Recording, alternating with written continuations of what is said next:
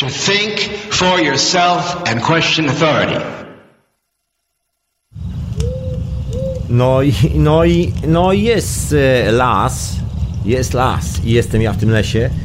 Już chyba wszystko słychać jeszcze jak zwykle. Ustawiam tu mikrofony ostatnim rzutem na taśmę.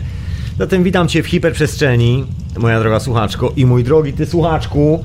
Ja mam na imię Tomek, jest to radio na fali, jeszcze sobie poprawię mikrofon, żeby nie było, że jest niepoprawiony. Jest sobotni wieczór, okej, Uff, wszystko poprawiłem. Poprawiłem sobotni wieczór, wszystko poprawiłem. No właśnie. Więc witam Cię przy mikrofonie, ja Tomek, tutaj w radiu na fali w hiperprzestrzeni. Też chciałem powiedzieć mądrego, też chciałem powiedzieć same mądre rzeczy, tylko takie tutaj. Czy jakoś tak, żartowałem, oczywiście żartowałem. Dziękuję wielce serdecznie mecenasie i mecenasko za wsparcie Radia na Fali. Namaste z całego serducha. I właśnie, właśnie przypominam wszystkim, że oprócz tego, że Radio Paranormalium nadaje hiperprzestrzeń właśnie w tym momencie live, nawet na zdaje się YouTubie czy jakoś tak. Stream Radio Paranormalium, zapraszam serdecznie. Oprócz tego Grzegorz w czasie snu Dokładnie sama historia, także radio na fali, retransmitowane w obydwu radiach, Czas i Radio Paranormalium. No właśnie, a na oryginalnym streamie leci ciągle muzyczka, bo ja ciągle taki niepoukładany. Prawda jest taka, że jakoś tak się ten sezon zaczął, że dosłownie obowiązki życiowe powodują, że radio muszę robić troszeczkę z doskoku. Nie na taki pełny wymiar, bo nie mam aż tyle czasu w tym sezonie, ale widzisz, ale dalej jest, wszystko jest, wszystko jest ok, także spokojnie, spokojnie. Nigdzie sobie nie idę. Zostanę tu razem z tobą do końca twoich dni, cieszysz się? Przerażająca wizja, prawda? No właśnie, jest jesień, czas najwyższy przypomnieć sobie troszeczkę o o powrocie do korzeni człowieku. Także dzisiaj troszkę od strony substancji hiperprzestrzeń, bo nadchodzi jesień, grzybobranie i nie tylko grzybobranie. W ogóle, wiesz, mam też swoje własne refleksje na temat rzeczywistości dookoła świata. O, lata mi tu owad dookoła, niech lata doskonała istotka, macha sobie skrzydłami, unosi się w powietrzu, niech sobie lata. A ja oprócz tego mam tutaj ze sobą kubek kawy, jestem na Skype'ie radionafali.com, jeżeli chcesz się skontaktować ze mną człowieku, to radionafali.com to jest właśnie ten adres na Skype'ie. Co jeszcze mogę Ci powiedzieć mądrego, że jestem na czacie Radia na Fali, czat rnf.hatango.com jest ikonka na stronie radionafali.com, pomimo, że nie ma żadnych aktywnych newsów na stronie radia, ciągle poprawiam mikrofon, ale to nie z powodu newsów na stronie radia, tylko poprawiam. Momencik, jeszcze sekunda. I, I nawet z okazji nieaktywnych newsów jest aktywna ikonka na dole strony radia radionafali.com ta ikonka wyśle cię na czat Radia na Fali, w rogu taka ikonka. Ja już sobie poprawiłem mikrofon. E, jaki sprytny jestem. Wszystko potrafię, wszystko. Tomek, co potrafisz? Wszystko. Właśnie, no więc, no więc w ogóle witam wszystkich na czacie Radio na Fali serdecznie. Właśnie, bo dzisiaj powrót do korzeni hiperprzestrzeni, moich własnych rozważań, nie tylko czegoś, co zmieniło moją percepcję. Właściwie nie tyle zmieniło, ile pomogło zobaczyć inną perspektywę, co w konsekwencji zmieniło moją percepcję rzeczywistości. Zmieniają nieustannie każdego dnia. Oby tak dalej, oby, oby to się nigdy nie skończyło. Otóż to, także dzisiaj powrót troszeczkę do substancji. Uhu, uh. No właśnie. Chciałem tak zrobić, że powrót z powrotem do substancji.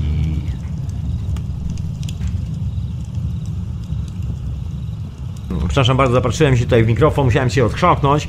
Będę się wyłączał przy odchrząkiwaniu. W ogóle muszę się rozgadać do tego mikrofonu, mało ostatnio gadam. W czwartki nie mam czasu ostatnio się pojawiać na swoim słynnym felietonie. No ale skoro jest tyle fanów felietonu i tak wróci, i tak wróci chyba w przyszłym tygodniu, także to tyle y, gwoli, gwoli ogłoszeń. No właśnie, na czas najwyższym zaczął tą hiperprzestrzeń, właśnie powrót do korzeni, powrót y, do spojrzenia na świat od strony troszkę substancji. To taki wytrych trochę jest, bo od strony substancji wszyscy kojarzą, o na pewno chodzi o to, że na tripie. Poniekąd tak, ale właściwe pytanie jest, co tripem jest, a co tripem nie jest. I właściwie gdzie kończy i gdzie zaczyna się trip. A może właściwie wszyscy tripujemy, a może właśnie powodem do rozważań w ogóle dzisiejszego, dzisiejszego odcinka i przepraszam, inspiracją poważną była rozmowa z moimi dwoma przyjaciółmi tutaj, e, podam serdecznie, Słuchaj, na temat. Na temat dzisiaj w ogóle wrzucił się temat, ale on już krążył od jakiegoś czasu. Terensa McKenny. A jako, że w sumie mówiąc szczerze, za młodu byłem miłośnikiem tego gentlemana, dalej jestem. Uważam go za jednego z bardziej, że tak powiem, klebe, czyli klawych takich, łebskich ludzi w poprzednim stuleciu. Terence McKenna odszedł z tego świata, z tego padołu, jak niektórzy nazywają, w 2008 roku. Niesamowity jegomość, niesamowicie celne refleksje. Było paru takich, to nie jest jedyny. Jestem jeszcze miłośnikiem takiego gentlemana, który mocno działał właściwie w latach 70., chociaż początki zaczęły się w latach 50.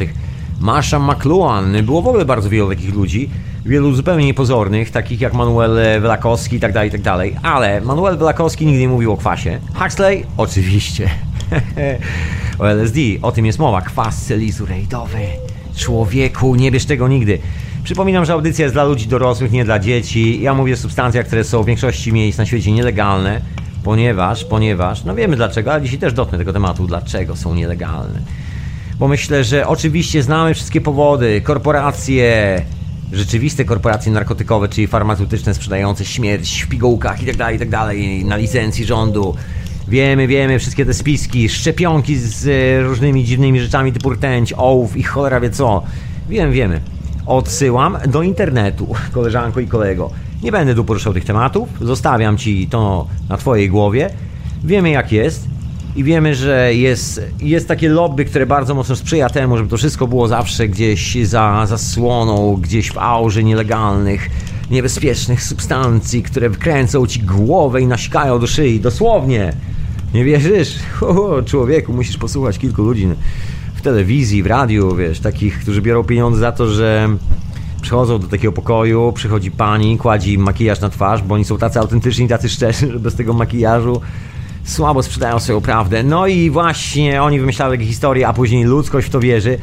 Ludzkość też lubi wymyślać swoje własne prawdy, każdy z nas, bo każdy z nas jest ludzkością, ale zostawiamy te rzeczy, ja i tak będę poruszał ten temat, bo zaczyna się grzybowy sezon Amanita powoli, ale ja nie jestem aż takim wielkim fanem Amanity w sensie Amanita muscardia, ten y, czerwony grzyb, o którym wszyscy mówią, że jest trujący.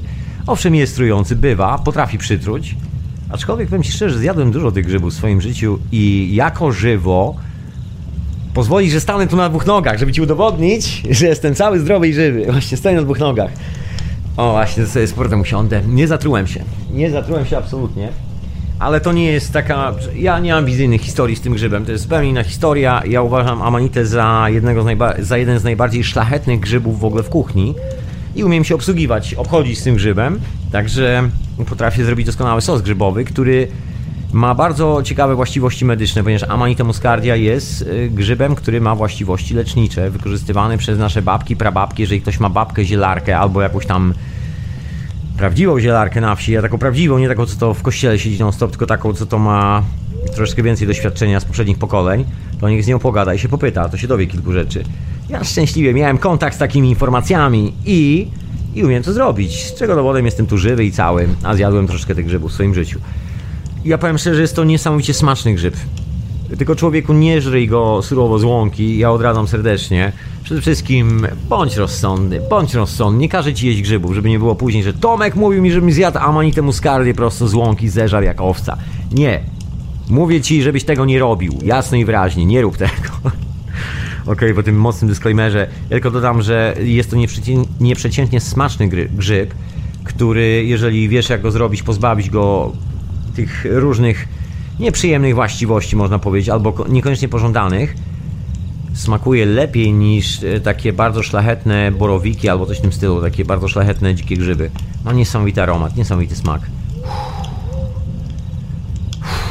Przypomniałem sobie, robi robotę. Anyway, ale zostawiam te grzyby, bo mowa jest bardziej o psylocybinie, mowa jest o substancjach psychoaktywnych, mowa jest o LSD, mowa jest o czymś, co popularnie jest nazywane medycyną w bardzo wielkim skrócie, czyli substancje psychoaktywne, nieuzależniające, substancje, które wysyłają nas do granic naszej percepcji, dzięki czemu z dużą łatwością przekraczamy owe granice naszej percepcji i to przekroczenie granicy owej percepcji zmienia naszą percepcję. Bardzo percepcyjny się jestem. Właśnie. I takim gentlemanem, który miał bardzo dużo ciekawych refleksji na ten temat, był Terence McKenna, którego zresztą bardzo mile i ciepło i żywo wspominam. Niesamowity gentleman, niesamowicie łebski e, mózg. nie. Dobra, to już nie będę się powtarzał, jak bardzo łebski był gentleman. Przede wszystkim e, dodam jedną rzecz. Był to nieprzeciętnie oczytany gentleman w klasykach literatury i prowadzeniu takiego investigation, takiego można powiedzieć detektywistycznego, e, się mówi, case'u, sprawy detektywistycznej, odszyfrowywaniu, kto o czym kiedykolwiek pisał, co było inspiracją wielu naukowców, wynalazców, odkrywców, co było inspiracją wielu tez, koncepcji, które zmieniły naszą rzeczywistość, religii itd., tak itd. Tak I dochodził do bardzo ciekawych wniosków, które zresztą były, no można powiedzieć, taką troszkę rozwiniętą wersją, współczesną wersją, nie do końca to samo, co e, gentleman, który się nazywał Marshall McLuhan, był troszkę bliżej Timota, Timotego Leary'ego. Timothy Leary to był gentleman, który zajmował się propagowaniem LSD w latach 60. i 70. w Stanach Zjednoczonych. Zresztą którego bardzo sobie cenię. Bardzo kontrowersyjna postać dla niektórych ludzi, bardzo, bardzo. Anyway, tu zostawiamy Timothy'ego Leary'ego, wskakujemy w krainę Trensa McKenny. Trens McKenna przede wszystkim e, dla mnie jest bardzo intrygującą e, postacią z powodu na rozwijanie koncepcji związanej z I Chingiem. I. Starożytny mechanizm, można powiedzieć, starożytny komputer pochodzący z Azji, pochodzący z Chin. 64 heksagramy wzorki. Właściwie są dwa wzorki Właściwie są trzy i brak wzorka jeszcze jest. Są, no tak, są dwa wzorki, z których się robi, e, rzuca się, no, rzuca się monetami, patyczkami, czymkolwiek. Generalnie są, jest to kombinacja e, paternu, który wynika z połączenia dwóch stanów. I rzucasz ileś tam razy monetą, dzielisz, mnożyć i tak dalej, końcowa liczba wynosi 64. Jest to bardzo podobne do naszego zestawu DNA, tego sposobu, gdzie się manifestuje fizyczność na której pojawia się istota zwana człowiekiem fizycznie w organizmie, bo DNA się zaczynają budować proteiny i, i wszystkie te historie. Aminokwasy są wcześniej troszeczkę, także tam nie było o tym mowy, ale teraz w swoim, w swoim koncepcie zauważył ciekawą rzecz. A właśnie, ja tak mówię, teraz w swoim koncepcie, jakby wszyscy zajmowali się niczym innym, jak czytałem tych samych książek jak ja. Nie, nie, tak wcale nie jest. Już ci, już ci wyjaśniam o co chodzi. Chodzi o teorię Terensa McKenny, koncepcję tak zwanego czasu zerowego. To się nazywało Time Wave Zero po angielsku. Nieprzeciętna koncepcja, która swego czasu, było to jakieś prawie 20 lat temu, niecałe, roztrzaskała mnie kompletnie. Rzuciła na kolana i stwierdziłem, że to jest kierunek, w którym ja powinienem się prawdopodobnie chyżo udać, żeby zrozumieć na czym polega fakt mojej egzystencji na tej planecie. Jedna z tych rzeczy, która mnie bardzo mocno zainspirowała lata, lata, lata temu. No jak zresztą wiele innych rzeczy. No właśnie. Jak zresztą też e, wyprawy, wyprawy na medycynie właśnie, wyprawy z psylocybiną, wyprawy z LSD. I Terence McKenna, jako że był sam podróżnikiem wytrawnym, używał psylocybiny przez lata, bardzo mi odpowiadał. Zresztą jego refleksje się bardzo mocno pokrywają z refleksjami, myślę, takimi uniwersalnymi każdego zdrowego człowieka, każdej zdrowej, myślącej istoty i czującej bo są to takie, można powiedzieć, poniekąd refleksje, a poniekąd oczywiste prawdy. Zebrali się ludzie, napisał co wiedział i napisał co wiedział. Dokładnie takie, rozumiesz, takie stwierdzenie. No ale wróćmy do konceptu, bo jest naprawdę bardzo prosty w sumie i bardzo intrygujący. Jest tam jedna rzecz schowana, która mnie bardzo wzrusza w dzisiejszych czasach, bo minęły lata i, i, minęło sporo lat od tego momentu, kiedy dowiedziałem się po raz pierwszy o tej teorii czasu falowego. Nie znałem wtedy jeszcze angielskiego i tak dalej, i tak dalej. Ciężko było to przetłumaczyć. Anyway. O co chodzi? To jest algorytm. Ale ciekawy algorytm. Algorytm, który powstał podczas wyprawy Terensa razem z Denisem, czyli ze swoim bratem, ponieważ Terence McKenna ma starszego brata, Denis McKenna który żyje do dzisiaj, publikuje książki i tak dalej, że to jest ostatnia książka, którą napisał, to się nazywa Brothers in, e, in Abbey, czy jakoś tak. Proszę sobie sprawdzić na wujku Google. Jest to najnowsza książka Denisa McKenny i jest y, poświęcona dzieciństwu razem z, z Terence'em McKenną. Takie wspomnienia i jego własne refleksje na temat wielu różnych koncepcji z perspektywy dzisiejszych lat. Nazywa się chyba Brothers in Abbey, czy jakoś tak. Polecam serdecznie. Anyway, wracając, ciągle, ciągle gdzieś odbijam. Wracając do Terensa McKenny i e, do tych wszystkich substancji, do tego czasu, to, teorii czasu falowego, chłopaki się wybrali na kaktusy. Z kaktusów nic nie wyszło, byli bardzo młodzi, zaraz po tym jak skończyli college i nie chcieli iść do wojska, Wietnam, rozumiesz człowieku, kilka innych historii, lepiej się urwać i troszkę odpocząć w normalnym otoczeniu. No i jakoś tak się zdarzyło, że chłopaki trafili, całą ekipą jakoś tam pojechali, jeszcze ktoś tam był. Jest zapis tego wszystkiego historyczny, ja tu nie będę ci, ci go przytaczał. To nie jest książka beletrystyczna. Wybrali się na wyprawę, wylądowali na wyprawie z grzybami w dżungli, z dużą ilością grzybów są aktywnych podczas sezonu. Także chłopaki zajęli się niczym innym, jak właściwie przez chyba dwa miesiące, czy prawie miesiąc, tripowaniem nieustannym na grzybach. Dzień w dzień, dzień w dzień, dzień w dzień. Takie sięganie dna swojej osobowości, sięganie wyżyn, yy, sprawdzenie siebie od wszystkich możliwych stron, z góry na dół, z lewa na prawo i tak dalej. I podczas tych wypraw, podczas tych niesamowitych yy, ciągów wizji, refleksji na temat samego siebie i tak dalej, i tak dalej, Teresowi McKennie pojawiła się koncepcja, koncepcja czasu falowego. No i chłopaki wrócili do Stanów i e, Terence spisał tą koncepcję, zajął się jakby matematyczną stroną, okazało się, że to bardzo intrygująca rzecz, która jest związana z I Chingiem, o czym na początku właściwie nie wiedział, bo nie zajmował się niczym związanym ze sztukami wschodu i tak dalej, i tak dalej. I Ching, I Ching to jest taka chińska historia, nie była wtedy aż tak popularna. W każdym razie E, równanie matematyczne wskazało bardzo ciekawą prawidłowość. Chodziło o znajdowanie tzw. Tak novelty points, czyli punktów e, z, z pierwszymi wydarzającymi się wydarzeniami na świecie. Nie wiem jak to, nie wiem jak to przetłumaczyć novelty, takimi odkrywczymi, odkrywczymi, bo novelty to jest właściwie odkrywczość, z odkrywczymi momentami w historii cywilizacji. Ten, nawet tej, którą mamy teraz, czy nazywamy to cywilizacją, czy nie.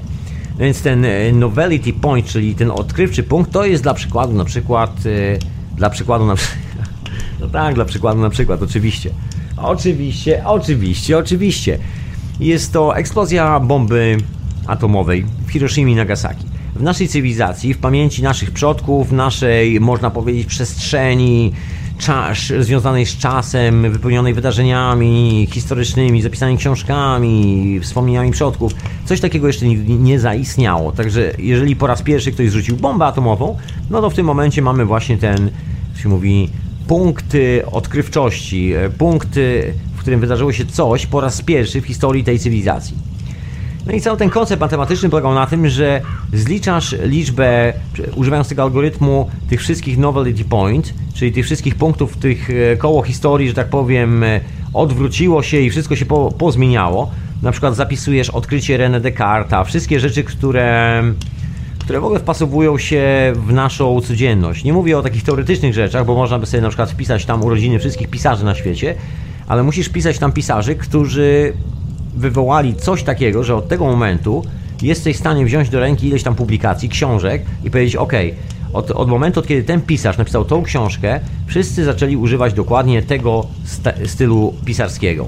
Stał się on kanonem e, literaturze. I w tym momencie ten punkt, ten pisarz jest owym e, tak zwanym novelty point, czy tym odkrywczym punktem. No i zliczanie tych novelty point doprowadziło do bardzo ciekawej refleksji. Okazało się, że ilość odkryć po prostu rośnie. Jeżeli sobie wyobrazisz krzywą, taką krzywą, gdzie masz na dole linię wzdłuż i to jest czas od punktu zero, jak, jak w, na lekcji matematyki w szkole. Na dole masz na początku strzałki masz zero i później masz przykład, nie wiem, tysiącami, setkami lat, czy jakoś tak.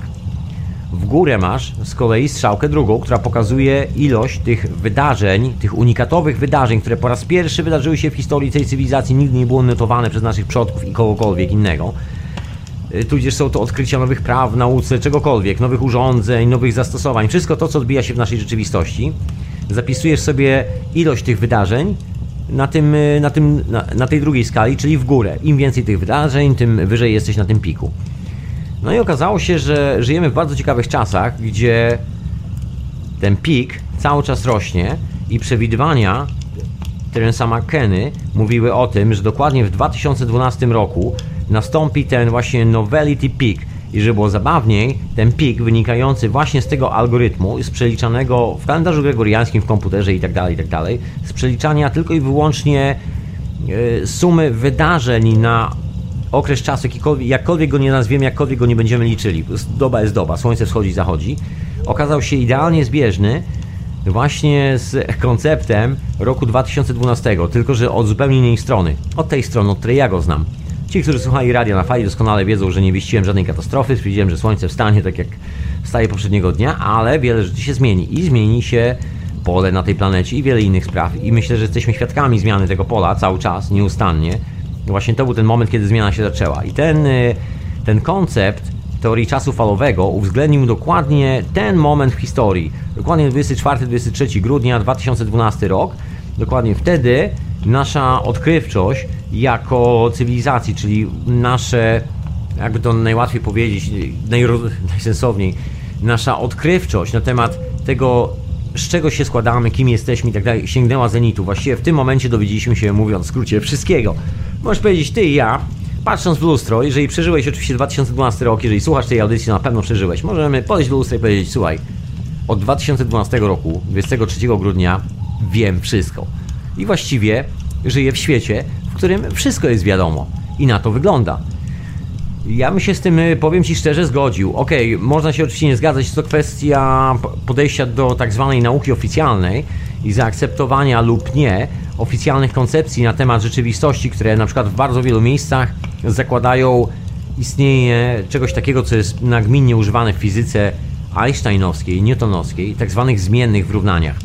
Czyli, że niby mamy prawo, że na przykład jeżeli weźmiemy dwie deski i jednego gwoździa i jeden młotek, to zbijemy dwie deski w jedną konstrukcję i gwóźdź oraz dwie deski będą stanowiły jedną całość, a młotek dru drugą część. I będziemy mieli dwa elementy.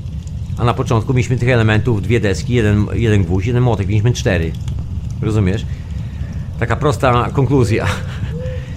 W oficjalnej nauce są e, bardzo duże problemy ze zgodnością właśnie ilości desek e, po zbiciu, ilości elementów. Czasami się okazuje, że młotek zniknął, gwoździa w ogóle nie ma. Tak można mniej więcej to tłumaczyć. Czy jakoś tak. E, I to są te oficjalne wytłumaczenia. I kiedy coś znika z tego horyzontu zdarzeń i fizyka nie ma oficjalna, albo nauka chemia, cokolwiek tam jest, nie ma oficjalnego wytłumaczenia, co tam się w ogóle dzieje. Coś zniknęło. Zniknął atom, zaczęła się reakcja, której się nikt nie spodziewał. Dzieją się rzeczy, o których nikomu, wręcz filozofom też przede wszystkim się w głowach nie śniło. W tym momencie używana jest zmienna, używana jest zmienna w równaniu. I równanie, które mówi, że zawsze, kiedy wlejesz to i to naukowcu młody, otrzymasz wywar i tak dalej, i tak dalej, i tak dalej tak naprawdę nigdy nie działa, bo okazuje się, że nie ma stałej, która by zawsze robiła to samo. Wszystkie te równania są oparte właściwie na zmiennych, czyli właściwie jeżeli damy tego, to jest szansa, że będzie to. Jeżeli damy to, bo teoretycznie odpowiada za tamto, to jest szansa, że to wyregulujemy.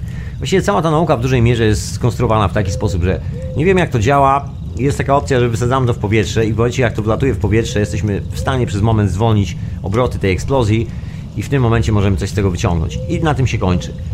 I to jest takie, takie jakby oficjalne podejście. Natomiast jeżeli spojrzysz na naukę od troszeczkę innej strony, to właściwie, jeżeli chodzi o technologiczne ujęcie, czy jesteśmy w stanie zrobić to, siam to i owam to, no mamy te tak zwane egzotyczne technologie, jak to niektórzy mówią. Ja myślę, że jesteśmy w stanie zrobić. Jest masa dowodów na to wszystko. Przede wszystkim jest chyba taki największy, najważniejszy dowód. I on y, się pojawił, y, zdaje się chyba rok czy dwa lata temu, w Genewie, w Szwajcarii i to była konferencja naukowa, bardzo poważna, zwołana przez chyba najważniejsze instytuty naukowe na świecie, które się właśnie mieszczą przy tych banksterskich historiach. Na konferencji było dosyć sporo ludzi, nie było zbyt dużo kamer telewizyjnych, była to bardzo, bardzo taka naukowa konferencja, jakaś tam lokalna telewizja i kilka lokalnych serwisów naukowych, przede wszystkim Science i tak dalej, i tak dalej, no ale mniejsza o to. Na konferencji wystąpiło czterech panów z Rosji, zdaje się. Mam nadzieję, że nie pomyliłem y, i że nie pominąłem żadnego z nich, że nie było ich pięciu, chyba czterech.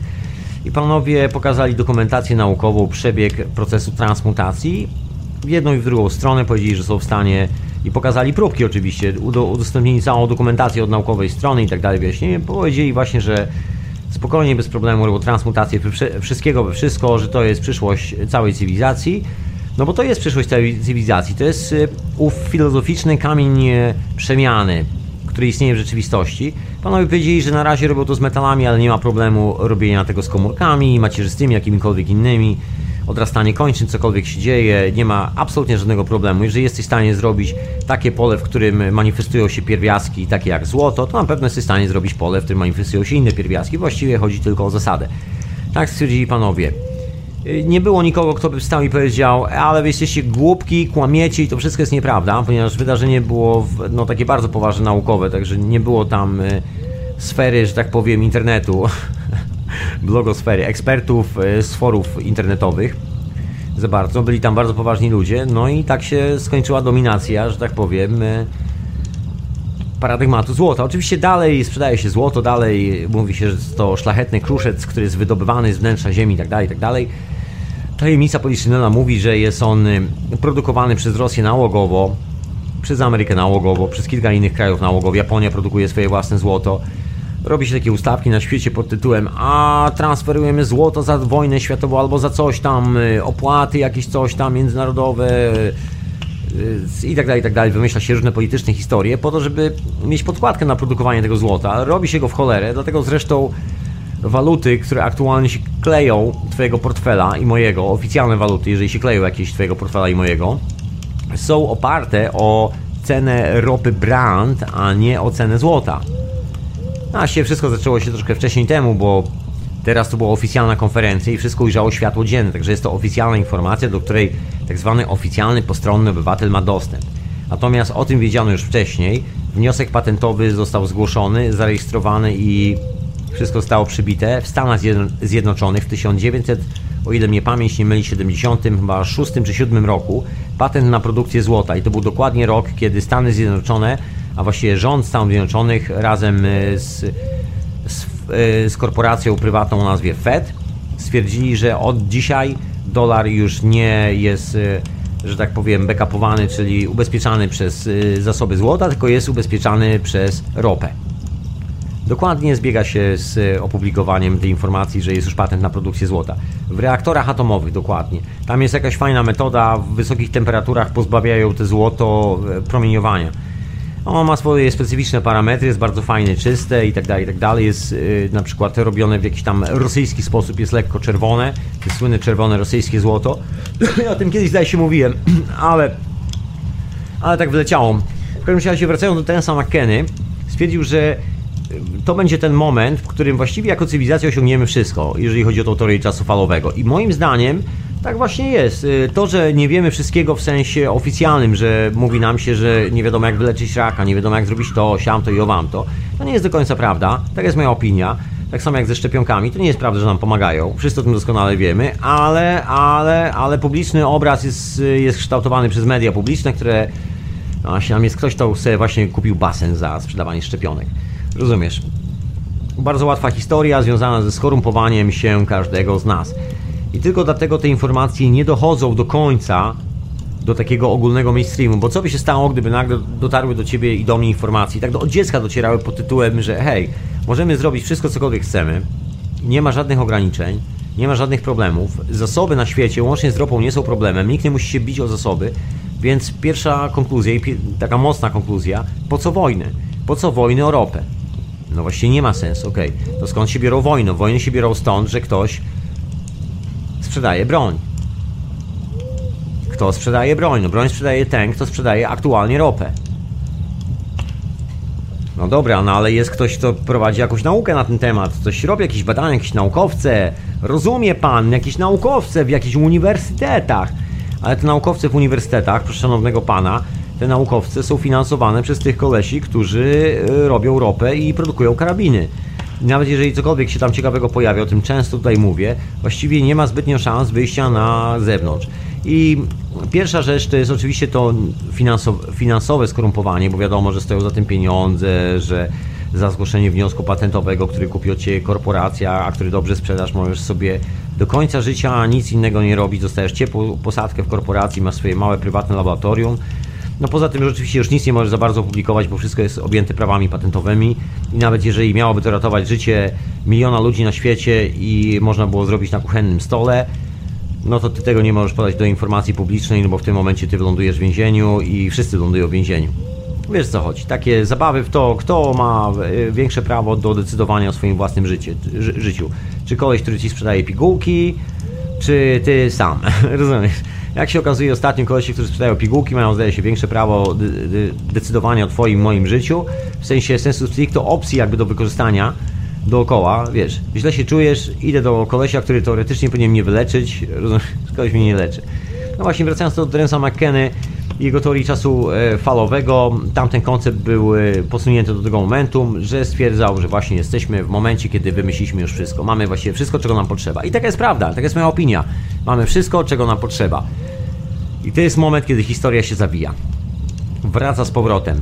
Teraz, teraz miał na ten. e, Na, na, na tym punkcie. I dosyć specyficzny na, na tym punkcie. E, Miał specyficzny pomysł na to, co się stanie dalej po tej wielkiej zmianie. Po tym, jak będzie 2012. Nie dożył sam osobiście tego 2012, zszedł na nowotwora po drodze w 2008 roku, ale zostawił swoją koncepcję czasu falowego, która przetrwała do 2012 roku. I o ile oczywiście ten cały układ planet i tak dalej, i tak dalej, wszystko się elegancko zgodziło, wszystko było ok, świat wcale nie wywarował, ale zaczęło się coś nowego. Jak, jakiś nowy moment w historii świata. Tak można to przynajmniej z tej teorii wysnuć. Ja się akurat z tym zgadzam. I co jest związane z tą nową koncepcją świata? Z tą nową koncepcją świata, przynajmniej Terence, wiązał taki powrót do plemiennych wspólnot, że wiesz, siądziemy przy ognisku, porzucimy prąd elektryczny, porzucimy wszystkie zdobycze cywilizacji, jakąkolwiek pomysłowość związaną z mechanicznym aspektem materii dookoła i wylądujemy prawie że w skórach, biegając dookoła, wsuwając bardzo smaczne grzyby z bardzo smaczną psylocybiną i dokonując takich wewnętrznych podróży w kosmos, ale żyjąc takim bardzo prostym życiem, jakby wracając do takiego tribal society, czyli takiego e, społeczeństwa plemiennego. I to była koncepcja Terensa. On oczywiście nie wykluczał tych mechanicznych rzeczy. Miał bardzo ciekawą koncepcję, która przyszła mu później, już, już po czasach teorii, e, już po czasie jego koncepcji i tak dalej, tak dalej, lata później. Dotyczyło to schowanej mechaniki za tymi organicznymi procesami, że jest pewna mechanika w kosmosie, w całym tym uniwersum, która nas wszystkich dotyczy. To za tym stoją wszystkie te fraktale, wszystkie te mm, wspólne wizje, że tak powiem, i tak dalej, i tak dalej. Takie doświadczenia, które są powtarzane przez wielu ludzi korzystających z naturalnej medycyny. A ty słuchasz hiperprzestrzeni, ja mam na imię Tonek. Oczywiście jestem na... No, no, no, no, no, stop, stop, stop, stop. Okej, okay, tak jak słyszysz, tutaj dziwne urządzenia szaleją. Chyba je właśnie okiełznałem. A ty słuchasz właśnie hiperprzestrzeni, a na imię Tomek, możesz zadzwonić radionafali.com, taki jest adres na Skype'ie. Anyway, jestem jeszcze na czacie radionafali.com, mała ikonka w rogu strony radionafali.com. Mam ze kawę z odrobiną mleka, odrobiną. Pozwolić, że się, że tak powiem, uraczę kawą.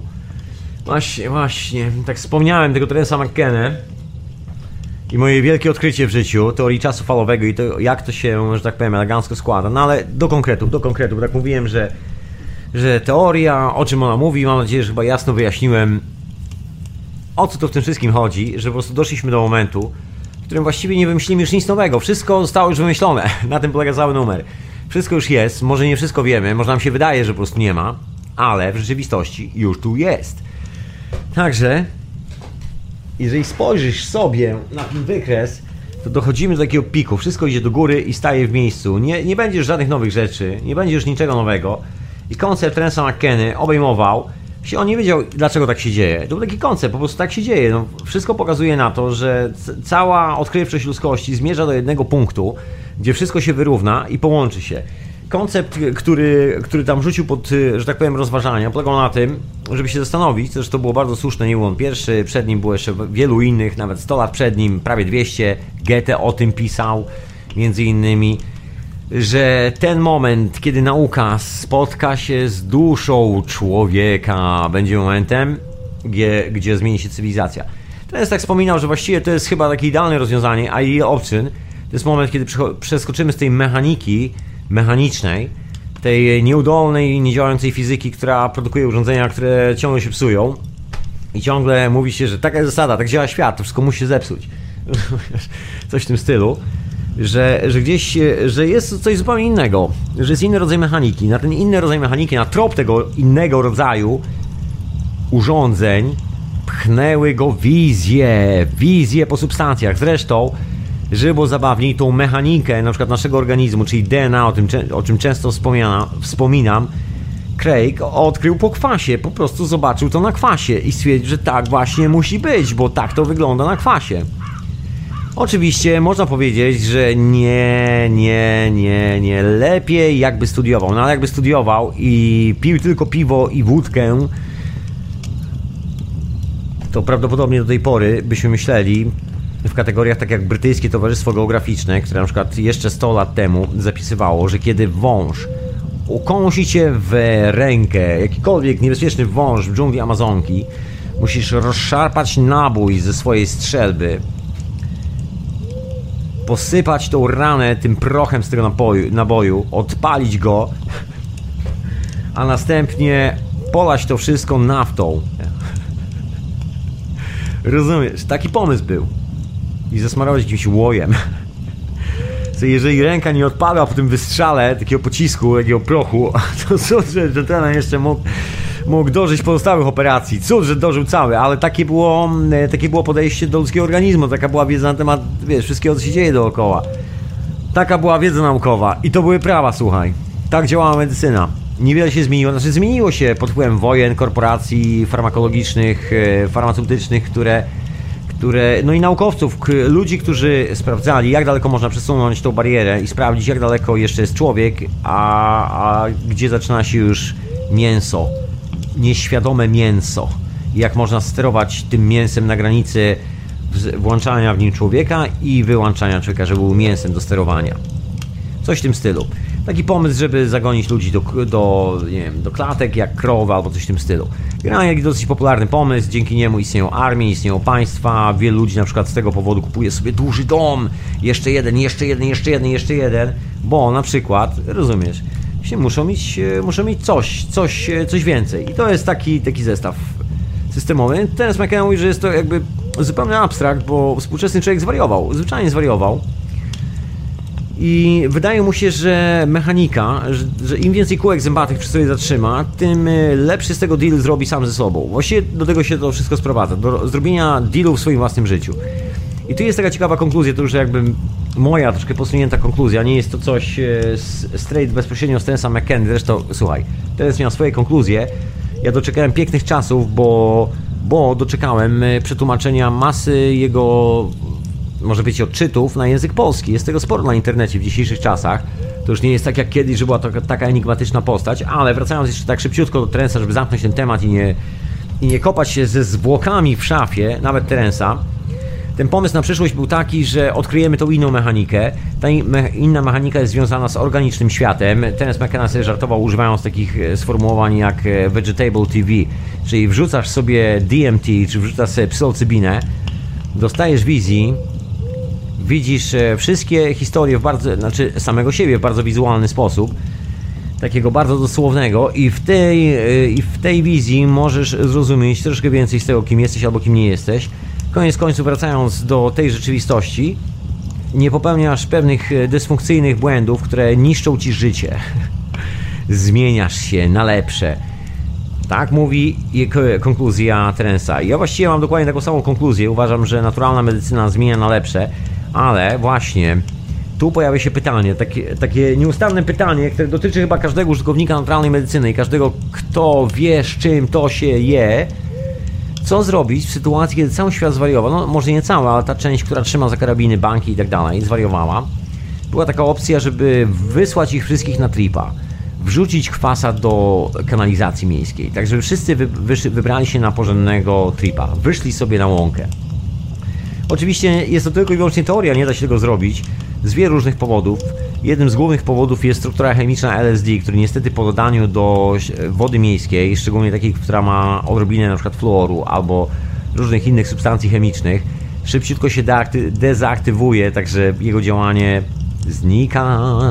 Także nie da się załadować kwasa do wodociągów miejskich i odpalić na przykład kilka miast naraz i zmienić e, bieg historii, zmienić percepcję ludzi, zmienić wszystko tylko dlatego, że zatrzymają się przez moment w swoim własnym życiu, spojrzą na to, co robią własnymi rękami, stwierdzą, wow, a może to nie jest to, co chciałbym robić, może to nie jestem prawdziwy ja, może powinienem coś zmienić, a może to jest to, co ja właśnie powinienem robić w życiu teraz, to i do końca życia, może to jest to, co czyni mnie szczęśliwym, może to, że jestem szczęśliwym, czyni świat szczęśliwym, Może to jest właśnie ta wartość, może dzięki temu odkryjemy inną mechanikę, której właściwie nie musimy już odkrywać, ponieważ wszystko już jest.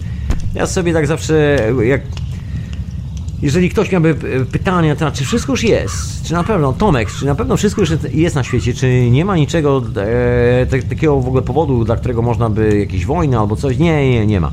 Przypomnij sobie turbinę Tesli, przypomnij sobie kilka innych rozwiązań. Świetnym przykładem jest e, historia, najświeższa historia prosto z Florydy. Wielki huragan przytoczył się przez zamieszkane, dosyć e, surbanizowane miejsce. No może nie sam dół Florydy, ale jeżeli chodzi o ludzi, którzy tam mieszkają, no mało tam ludzi nie ma, parę milionów jest. Y, dodając jeszcze te małe karaibskie wyspy po drodze, huragan spustoszył kompletnie całą okolicę. Wiadomo, że te wyspy będą się długo podnosiły, może parę lat, zaraz się pojawi Bank Światowy, pożyczy im pieniądze na kredyt i zrobi z nich niewolników. Ale tak czy siak, wszystko jest zniszczone, na Florydzie też. I teraz jest kwestia odbudowywania. Trzeba dostarczyć zasoby energii. Wyobraź sobie, że 100 lat temu świat podejmuje inną decyzję. Wszyscy wybierają, ok, wybieramy prąd, y, prąd bezprzewodowy Nikoli Tesli. Ok, wiemy, że nie można na tym postawić rachunku, nie można postawić licznika na tym prądzie, on po prostu jest za darmo i każdy może korzystać. I tyle. Jeżeli coś trzeba, to po prostu lokalna społeczność się zrzuca na urządzenie do streamowania tego prądu i to wszystko, nic więcej. Jest podatku czy jakoś tak suma na to, na obsługiwanie urządzenia i po całym kłopocie. No ale widzisz, w tym momencie nikt tak naprawdę nie płaci za prąd. Rozumiesz, bo prąd jest za darmo. No ale zobacz, jakby, się, jakby to zmieniło wszystko, gdyby się okazało, że nagle taka Floryda ma prąd w powietrzu. Nie ma problemu z kablami, że przyszedł huragan, coś się stało, wywróciło, połamało drzewa, linie wysokiego napięcia, nie ma problemu z odbudową całej infrastruktury energetycznej. Urządzenie wjeżdża i wyjeżdża, nie jest zależne od rury, nie jest zależne od kabla, który leży w ziemi albo wisi na e, drewnianych, e, drewnianym stelażu jakimś pomiędzy, na, na drewnianych słupach i tak tak. Rozumiesz, o czym mówię? I zupełnie inny świat i nagle okazuje się, że problemy związane z katastrofą, taką globalną katastrofą, jak właśnie e, mieliśmy tutaj przed chwilą na swoich własnych oczach na Florydzie, mocnym uderzeniem, trzęsieniem ziemi w Meksyku i tak dalej, i tak. Wyobraź sobie tą nawet technologię z, z czasów Nikoli Tesli, co by się działo, gdybyśmy mieli tą technologię teraz i przeszło gdzieś nam takie potężne topnięcie w ziemi, huragan albo coś. Poza tym, że musielibyśmy wyjechać stamtąd, to po powrocie byśmy wszystko sobie mogli odgruzować w Trimiga bez żadnych kosztów, bo właściwie wszystkie zasoby mamy na stryknięcie palcami. Tylko, że inna sprawa jest taka, że nikt nikomu nie zapłaci wtedy podatku i może być tak, że jak ludzie sobie odbudują, to odbudują jeszcze lepiej niż w innym miejscu i nagle się okaże, że właśnie, no właśnie, może tutaj wyjść taki spór o rzeczywistość.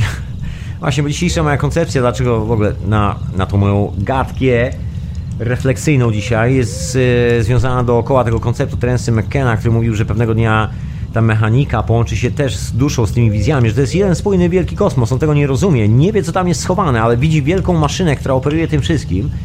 My jesteśmy już w troszkę innych czasach, od 2008 roku minęło parę lat. Wiemy, że nauka poszła do przodu, wiemy co stoi za tym mechanizmem, przynajmniej częściowo. Nie chcę tu oczywiście mówić, że wiemy dosłownie wszystko, chociaż właściwie wiem wszystko, wiesz ale to się, to się okaże. Ale dowiedzieliśmy się, że częścią tej mechaniki są aminokwasy. I że jest coś takiego. Ja tu mam telefon, już odbieram. Już odbieram. Halo, halo. Halo, halo. Halo, halo. No halo, halo. Ja słyszę pana doskonale. Dobry wieczór po długiej przerwie. Witam serdecznie. Panie Doesn't No bardzo dobry wieczór. No, Co u pana no, słychać? Jak zdrówko? Muszę się zapytać koniecznie, bo żeby nie było. Bardzo, bardzo dobrze, dobrze. E, to znaczy jakieś tam, wiadomo, się dzieją różne rzeczy w ciele, ale Żyjesz. generalnie czuję się, żyję i czuję się dobrze. Doskonale, doskonale. Dobrze, słuchaj, żywego człowieka, który czuje się dobrze. Jest! To, to mnie cieszy. E, no i tak trochę w odniesieniu do twojego tematu dzisiejszej prowadzenia e, audycji, bo tak sobie pomyślałem o tych naukowcach, nie? I czy był taki czas, że istniało życie, a nie było żadnych takich naukowców, takich wiesz, głowych innych, mm, takich, co wiedzą wszystko, nie? No wiesz co? Czy, czy wtedy, czy To- to prawda. wtedy, nie? Słuchaj, moment, kiedy pojawia się Nagroda Nobla na taką dużą skalę, przepraszam, że tak trzeszczę mikrofonami, już chyba nie będzie trzeszczało, okej. Moment, kiedy pojawia się Nagroda Nobla, to jest moment, kiedy znikają tacy niezależni naukowcy typu chociażby, no oczywiście można się powołać na Nikolę Tesla, ale żeby było oryginalnie, Proteusz Steinmetz. Gentleman, który wymyślił wszystkie zasady, dzięki którym dzisiejsi inżynierowie elektryczności łączą silniki elektryczne i spisał to w równaniach. Niby naukowiec, ale żaden naukowiec, bo dyplomu nigdy nie odebrał, bo musiał, musiał uciekać w nocy, w nocy z Wrocławia, dokładnie, przez okno, bo go policja chciała złapać, bo był na zdjęciu. Razem z kumplami założyli sp- yy, Stowarzyszenie Socjalistyczne i nie zdążył odebrać dyplomu na dzień przed, dosłownie. Bo nie chciał do więzienia iść. I tacy ludzie tworzyli historię. Moment, nie, nigdy nie dostali Nagrody Nobla. Nigdy nic takiego się nie wydarzyło.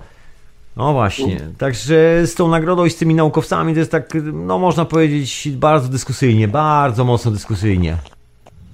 No właśnie. Mm, No i ja trochę głębiej chciałem pójść, nie? Bo okej, nie, nie było naukowców, i, ale istniało życie. Nie? A to już inna sprawa. To już w ogóle I dramat teraz- dla naukowca. Jak mogło istnieć No, życie bez naukowca?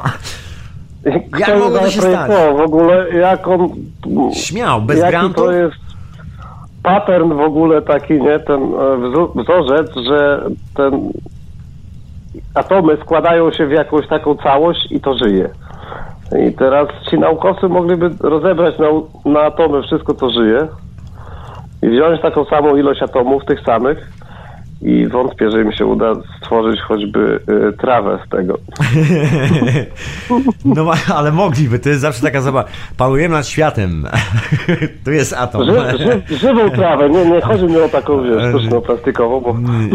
W dzisiejszych czasach są tak zwane modele komputerowe. Naprawdę na studiach, tak słyszałem od ludzi, którzy studiują na poważnych uniwersytetach chemię i nie tylko, biologię molekularną, studiuje się na modelach komputerowych. Tam wszystko działa, przestań. No tak, tam wszystko działa. Oczywiście. No ale Ale to jest granica kontroli rzeczywistości. To jest w ogóle ciekawa historia, bo kolesie, którzy najgłośniej mówią o tym, że, że musimy wszystko kontrolować, że na tym polega cały sens naszego życia, na obsesji kontroli, dlatego wysyłają drugiego kolesia z karabinem w inne miejsce, bo muszą kontrolować jego życie. Ci kolesi nie mają kontroli nad niczym. Dosłownie. I to na papierze, słuchaj, i to legalnie mają kontroli nad niczym, ale w ramach walki o tą kontrolę nad wszystkim zajmują się nauką i twierdzą, że nie mają kontroli nad niczym. no, można i w ten sposób, no trzeba jakoś to... Jest taki abstrakt troszeczkę, taka granica. Właśnie ja się zastanawiam, czy przypadkiem nie chodzi o takie oszukiwanie się pod tytułem, co jest prawdziwą rzeczywistością. Że kilku chłopaków się zeszło na świecie i kilka dziewczyn też i stwierdzili, ok, wymyślimy sobie, że teraz nasza zabawa w piaskownicy, wymyśliliśmy sobie sklep, wymyśliliśmy sobie, nie wiem, salon fryzjerski, rozumiesz, tak jak dzieci w, w piaskownicy, tu salon... E, Obawiam się, Roz, tak. Rozumiesz, obsługi sa, klienta samochodowego, rozumiesz, tu coś tam innego, tamten robi to, to, tamto. I organizujemy jakiś taki model i wymyślamy sobie, że kamyki to są pieniądze i tak dalej, i tak dalej. I nagle coś tam, coś tam, wiesz, model się ustawia, idzie dalej i się okazuje, że właściwie pewnego dnia te dzieci dorastają i właściwie jako dorośli ludzie używają zamiast, wiesz, kamyczków, używają pieniążków. Takie bardzo popularne w języku O polskim. tak. Pieniążki, nigdy, nigdy nie mówi się pieniądze, tylko pieniążki. I przebierają się te różne stroje, takie odpowiednie Oczywiście, do tego. jeden jest policjantem, drugi jest lekarzem, trzeci jest naukowcem, czwarty złodziejem, rozumiesz, jeden księdzem, czy jakoś tak. Mają taki swój układ i, i nagle się okazuje, że właściwie, wiesz, ten las, w którym się bawili, czy ta łąka, jako dzieci, w ten cały sklep rośnie dalej. Ale konsekwencją ich zabawy jest to, że kiedy dorosną, któryś z nich zwariuje i wytnie cały ten las. W efekcie czego jego własne dzieci nie będą już mogły się zdrowo, że tak powiem, bawić w lesie i wyrosną na jakieś niezdrowe, krzywe pociechy dorastające w betonowym świecie, yy, naszpikowane szczepionkami itd. itd. I on za, nagle zaczyna się dziwić, że kolejne poko- pokolenie, kolejna generacja, które zostają po sobie, właściwie nie jest w stanie przeżyć w ogóle jednego dnia na tej planecie bez tego całego shitu, który on y, zostawił właściwie. Właściwie niewiele, niewiele w ogóle jest w stanie to przeżyć i właściwie wszyscy powoli zaczynają się zastanawiać, co tak naprawdę z tego przeżyje za parę lat. Bo to nie jest już nawet pytanie, co przeżyje, tylko jak niewiele. No ale to, to jest tak, jakby taka prawda i tak głoszona wszędzie, nie? że to już przekroczyliśmy ten próg, żeby e, przywrócić środowisko tak zwane naturalne do prawdziwej natury. Wiesz, teraz jest pytanie, co, jest, No, wiesz, prawdziwym... Zostało tak Dokładnie. wygradowane. Ale to, zobacz, jak to się nazywa, środowisko naturalne, zobacz. I są kolesie, którzy mówią, że mamy swoją rzeczywistość, mamy rzeczywistość finansową, mamy rzeczywistość polityczną, mamy rzeczywistość ekonomiczną, ale jest coś takiego jak tak zwana y, natura. Rozumiesz? Prawa natury. I teraz z jednej strony masz kolesi, którzy mają swoją własną rzeczywistość, a z drugiej strony masz mamy naturę. I teraz jest pytanie, kto tutaj ma rację? Rozumiesz? No, tylko, właśnie na razie mało dalej się nie udało poskładać tych atomów, żeby złożyć trawę z powrotem, wiesz, w laboratoryjnych warunkach, No nie wiesz, ale, ale słuchaj, ktoś mówi tutaj o rzeczywistości i ja myślę, że to jest taki sporo rzeczywistość, po prostu kolesie, grupa, część z nas, ale to jest nasz, ja tu chcę troszkę dalej wskoczyć, że to jest nasz indywidualny spór ze, so- e, ze sobą samymi, że nie chcemy zaakceptować rzeczywistości takiej, jaka ona jest, że ona jest taka naturalna, że to jest taka organiczna historia i nie chcemy zaakceptować, że ten mechanizm jest organiczny, jest schowany dopiero w tym momencie, jak ogarniesz już sam siebie. Ale nie na zasadzie t- tylko z zewnątrz, że fajnie wyglądasz, bo na przykład na zdjęciu wygląda fajnie, tylko emocjonalnie czujesz się ok. Nic dookoła ciebie przede wszystkim, co jest dosyć istotne, nie umiera. To jest taka najistotniejsza rzecz. Jeżeli wszystko, co jest dookoła mnie, dalej żyje, a ja dalej jestem najedzony, to wszystko jest ok. Problem zaczyna się, kiedy ja właściwie jestem najedzony, a, do poło- a dookoła mnie nie ma ani grama lasu, bo właśnie wy- wytukłem cały las, wszystkie wiewiórki, puściłem je z dymem na wielkim ognisku z tego lasu, rozumiesz? Zrobiłem sobie No tak, w ogóle Nie masz lasu. zaasfaltowałem alejki, żeby było wygodniej chodzić między tymi drzewami. Tak, tak, alejki. A, tak, a ten, ta trawa to już mnie tak denerwowała, że podlałem randapem i już mam spokój, już nic nie wyrośnie. no i to tak e, idzie, ale no... E, Ale to jest spór, Ba- słuchaj, to jest taka propozycja, e, propozycja na biznes, którą na deal podejrzewam, którą każdy z nami sobie, z nas sobie robi. Ja w ogóle miałem kilka jakichś ciekawych spotkań ostatnio, rozmów w ogóle prywatnie z, y, w ogóle z różnymi ludźmi z różnych miejsc i wygląda na to, że to jest, wiesz, taki klasyczny deal ze sobą samym, który, który, robimy, który, który robimy sami. To jest ten kawałek, który wynosimy ze sobą z tej zabawy na skraju lasu, gdzie wymyślamy sobie swoje własne miasteczko, podział ról i to, że jak dorośniemy, to by, będziemy robić dokładnie to, to, to i to. tak, to jest przygotowywanie do tych ról, tak. I- Dokładnie. To, przyjrzałeś się gdzieś na postaci... zostaje już tak na całe życie, że nie, nie cholery nie chcą wyjść z tej roli. Nawet na chwilę, bo to zbyt bolesne doświadczenie może być. Rozumiem, ja jestem szczęściarzem, wychowałem się na klockach Lego i pewnego razu, o parę lat temu tak nagle żachnąłem się takiej refleksji, zaraz, zaraz, przecież w klockach Lego są ludziki. I tak się przyjrzałem wszystkim tym ludzikom, nagle się okazało, że cały zestaw w klockach Lego to są ludziki w mundurach. Każdy jest w mundurze, każdy ma konkretną rolę. Rozumiesz, nie ma w klockach Lego ludzi bez roli, ludzi bez e, dealu, bez biznesu w tej e, rzeczywistości. I to jest spór, nasz spór z nami samymi o rzeczywistość, bo każdy z nas doskonale wie, że rzeczywistość jest organiczna. Każdy wie, że ból jest organiczny, każdy wie, że wszystkie interakcje naszego fizycznego ciała są organiczne, emocjonalne właściwie. Bo to nie jest tylko tak, że boli. Kiepsko się czujemy oprócz tego, że boli. Dwie rzeczy zawsze No, naraz. Maszyna... Wszystko jest powiązane. Dokładnie. Nawet jak na, masz nastawienie psychiczne jakieś, to ta psychika się przekłada też na ból albo na chorobę. No to, to jest, to jest e, no, zbadane i to działa. I to działa jako bardzo skuteczna medycyna, bo jak znajdziesz przyczynę w swoim umyśle, co spowodowało tą chorobę daną, jakie zdarzenie, to możesz uwolnić ten konflikt wewnętrzny, który tam w tobie powstał w tym momencie, a o którym nawet nie miałeś pojęcia. To prawda, absolutnie. I to jest taki spór właśnie o rzeczywistość. Że nie nazywa, nikt tego nie nazywa konfliktem wewnętrznym ze światem. Nikt nie mówi, że to jestem ja wkurwiony na cały świat, nienawidzę go w tym momencie i robię wszystko, żeby go wysadzić w powietrze. Tylko mówię, nie, nie, to jest moja rzeczywistość. I zobacz, w Ale mojej rzeczywistości Bardzo ludzie fajne żyją zdanie dobrze. powiedziałeś. Bardzo fajne zdanie powiedziałeś, bo to jest najczęściej zdanie powtarzane przez ludzi. Oni szukają e, formy wyrażenia siebie, jak są wkurwieni na tą rzeczywistość, jak im wszystko nie pasuje. Znaczy, akurat e, może tutaj, e, gdzie ja jestem teraz, nie? W Polsce to takie, kto, kto umie lepiej narzekać, to jest takie, nie wiem, jakie zawody są. No ja ci opowiem historię, jak mi się źle powodzi, nie? Prawdą Co, co się stało, albo co, co ostatnio widziałem, co się stało złego. No i tak chodzę i słucham, mówię, no kurczę, i ty człowieku tym żyjesz cały czas, no to gdzie cię to zaprowadzi, nie? A jeszcze jakie straszne wiadomości oglądałem w telewizji. Hmm. No właśnie, sporo rzeczywistość. Albo jest fajna i bezkonfliktowa i nikt nie musi wytłuc wszystkich wiewiórek i wyciąć całego lasu, bo można inaczej to zrobić, bo jest technologia, na, na, która pozwala to ogarnąć i naprawdę nie ma z tym żadnego problemu. Albo jest y, takie wkurwienie, takie, wiesz, na złość mamie odmrożę sobie uszy. Mhm. I tam w teraz powiedział ciekawą rzecz, że ta końcówka, ten moment y, tego maksymalnego piku może doprowadzić do różnych rzeczy. On właściwie nie ma pojęcia, co się wydarzy. Może być taki sam dzień jak poprzedni, a może nastąpić coś, czego się nikt nie spodziewa, jakaś wielka rewolucja globalna, I don't know. Po prostu wszystkie, wszystkie możliwe opcje, które każdy z nas jest w stanie sobie wyobrazić. W każdym razie jedna rzecz na pewno się, się wydarzy. Dojdziemy do takiego końca z, ze spostrzeganiem samego siebie jako takiej, no tak jak teraz, takiego, że tak powiem, paniska, no nie wiem jak to nazwać. Właśnie to będzie ta zmiana do wizji, że w tym momencie człowiek nie będzie już y, będziesz pozbawiony, może w ten sposób, będzie pozbawiony złudzenia, że jakakolwiek wiara w cokolwiek da mu jakąkolwiek podstawę na czucie się bezpiecznie. Jedyną opcją na czucie się bezpiecznie samemu ze sobą jest po prostu czuć się bezpiecznie samemu ze sobą poprzez bycie fajnym kolesiem, ze sobą samym. I do tego wszystkiego no się tak. sprowadza.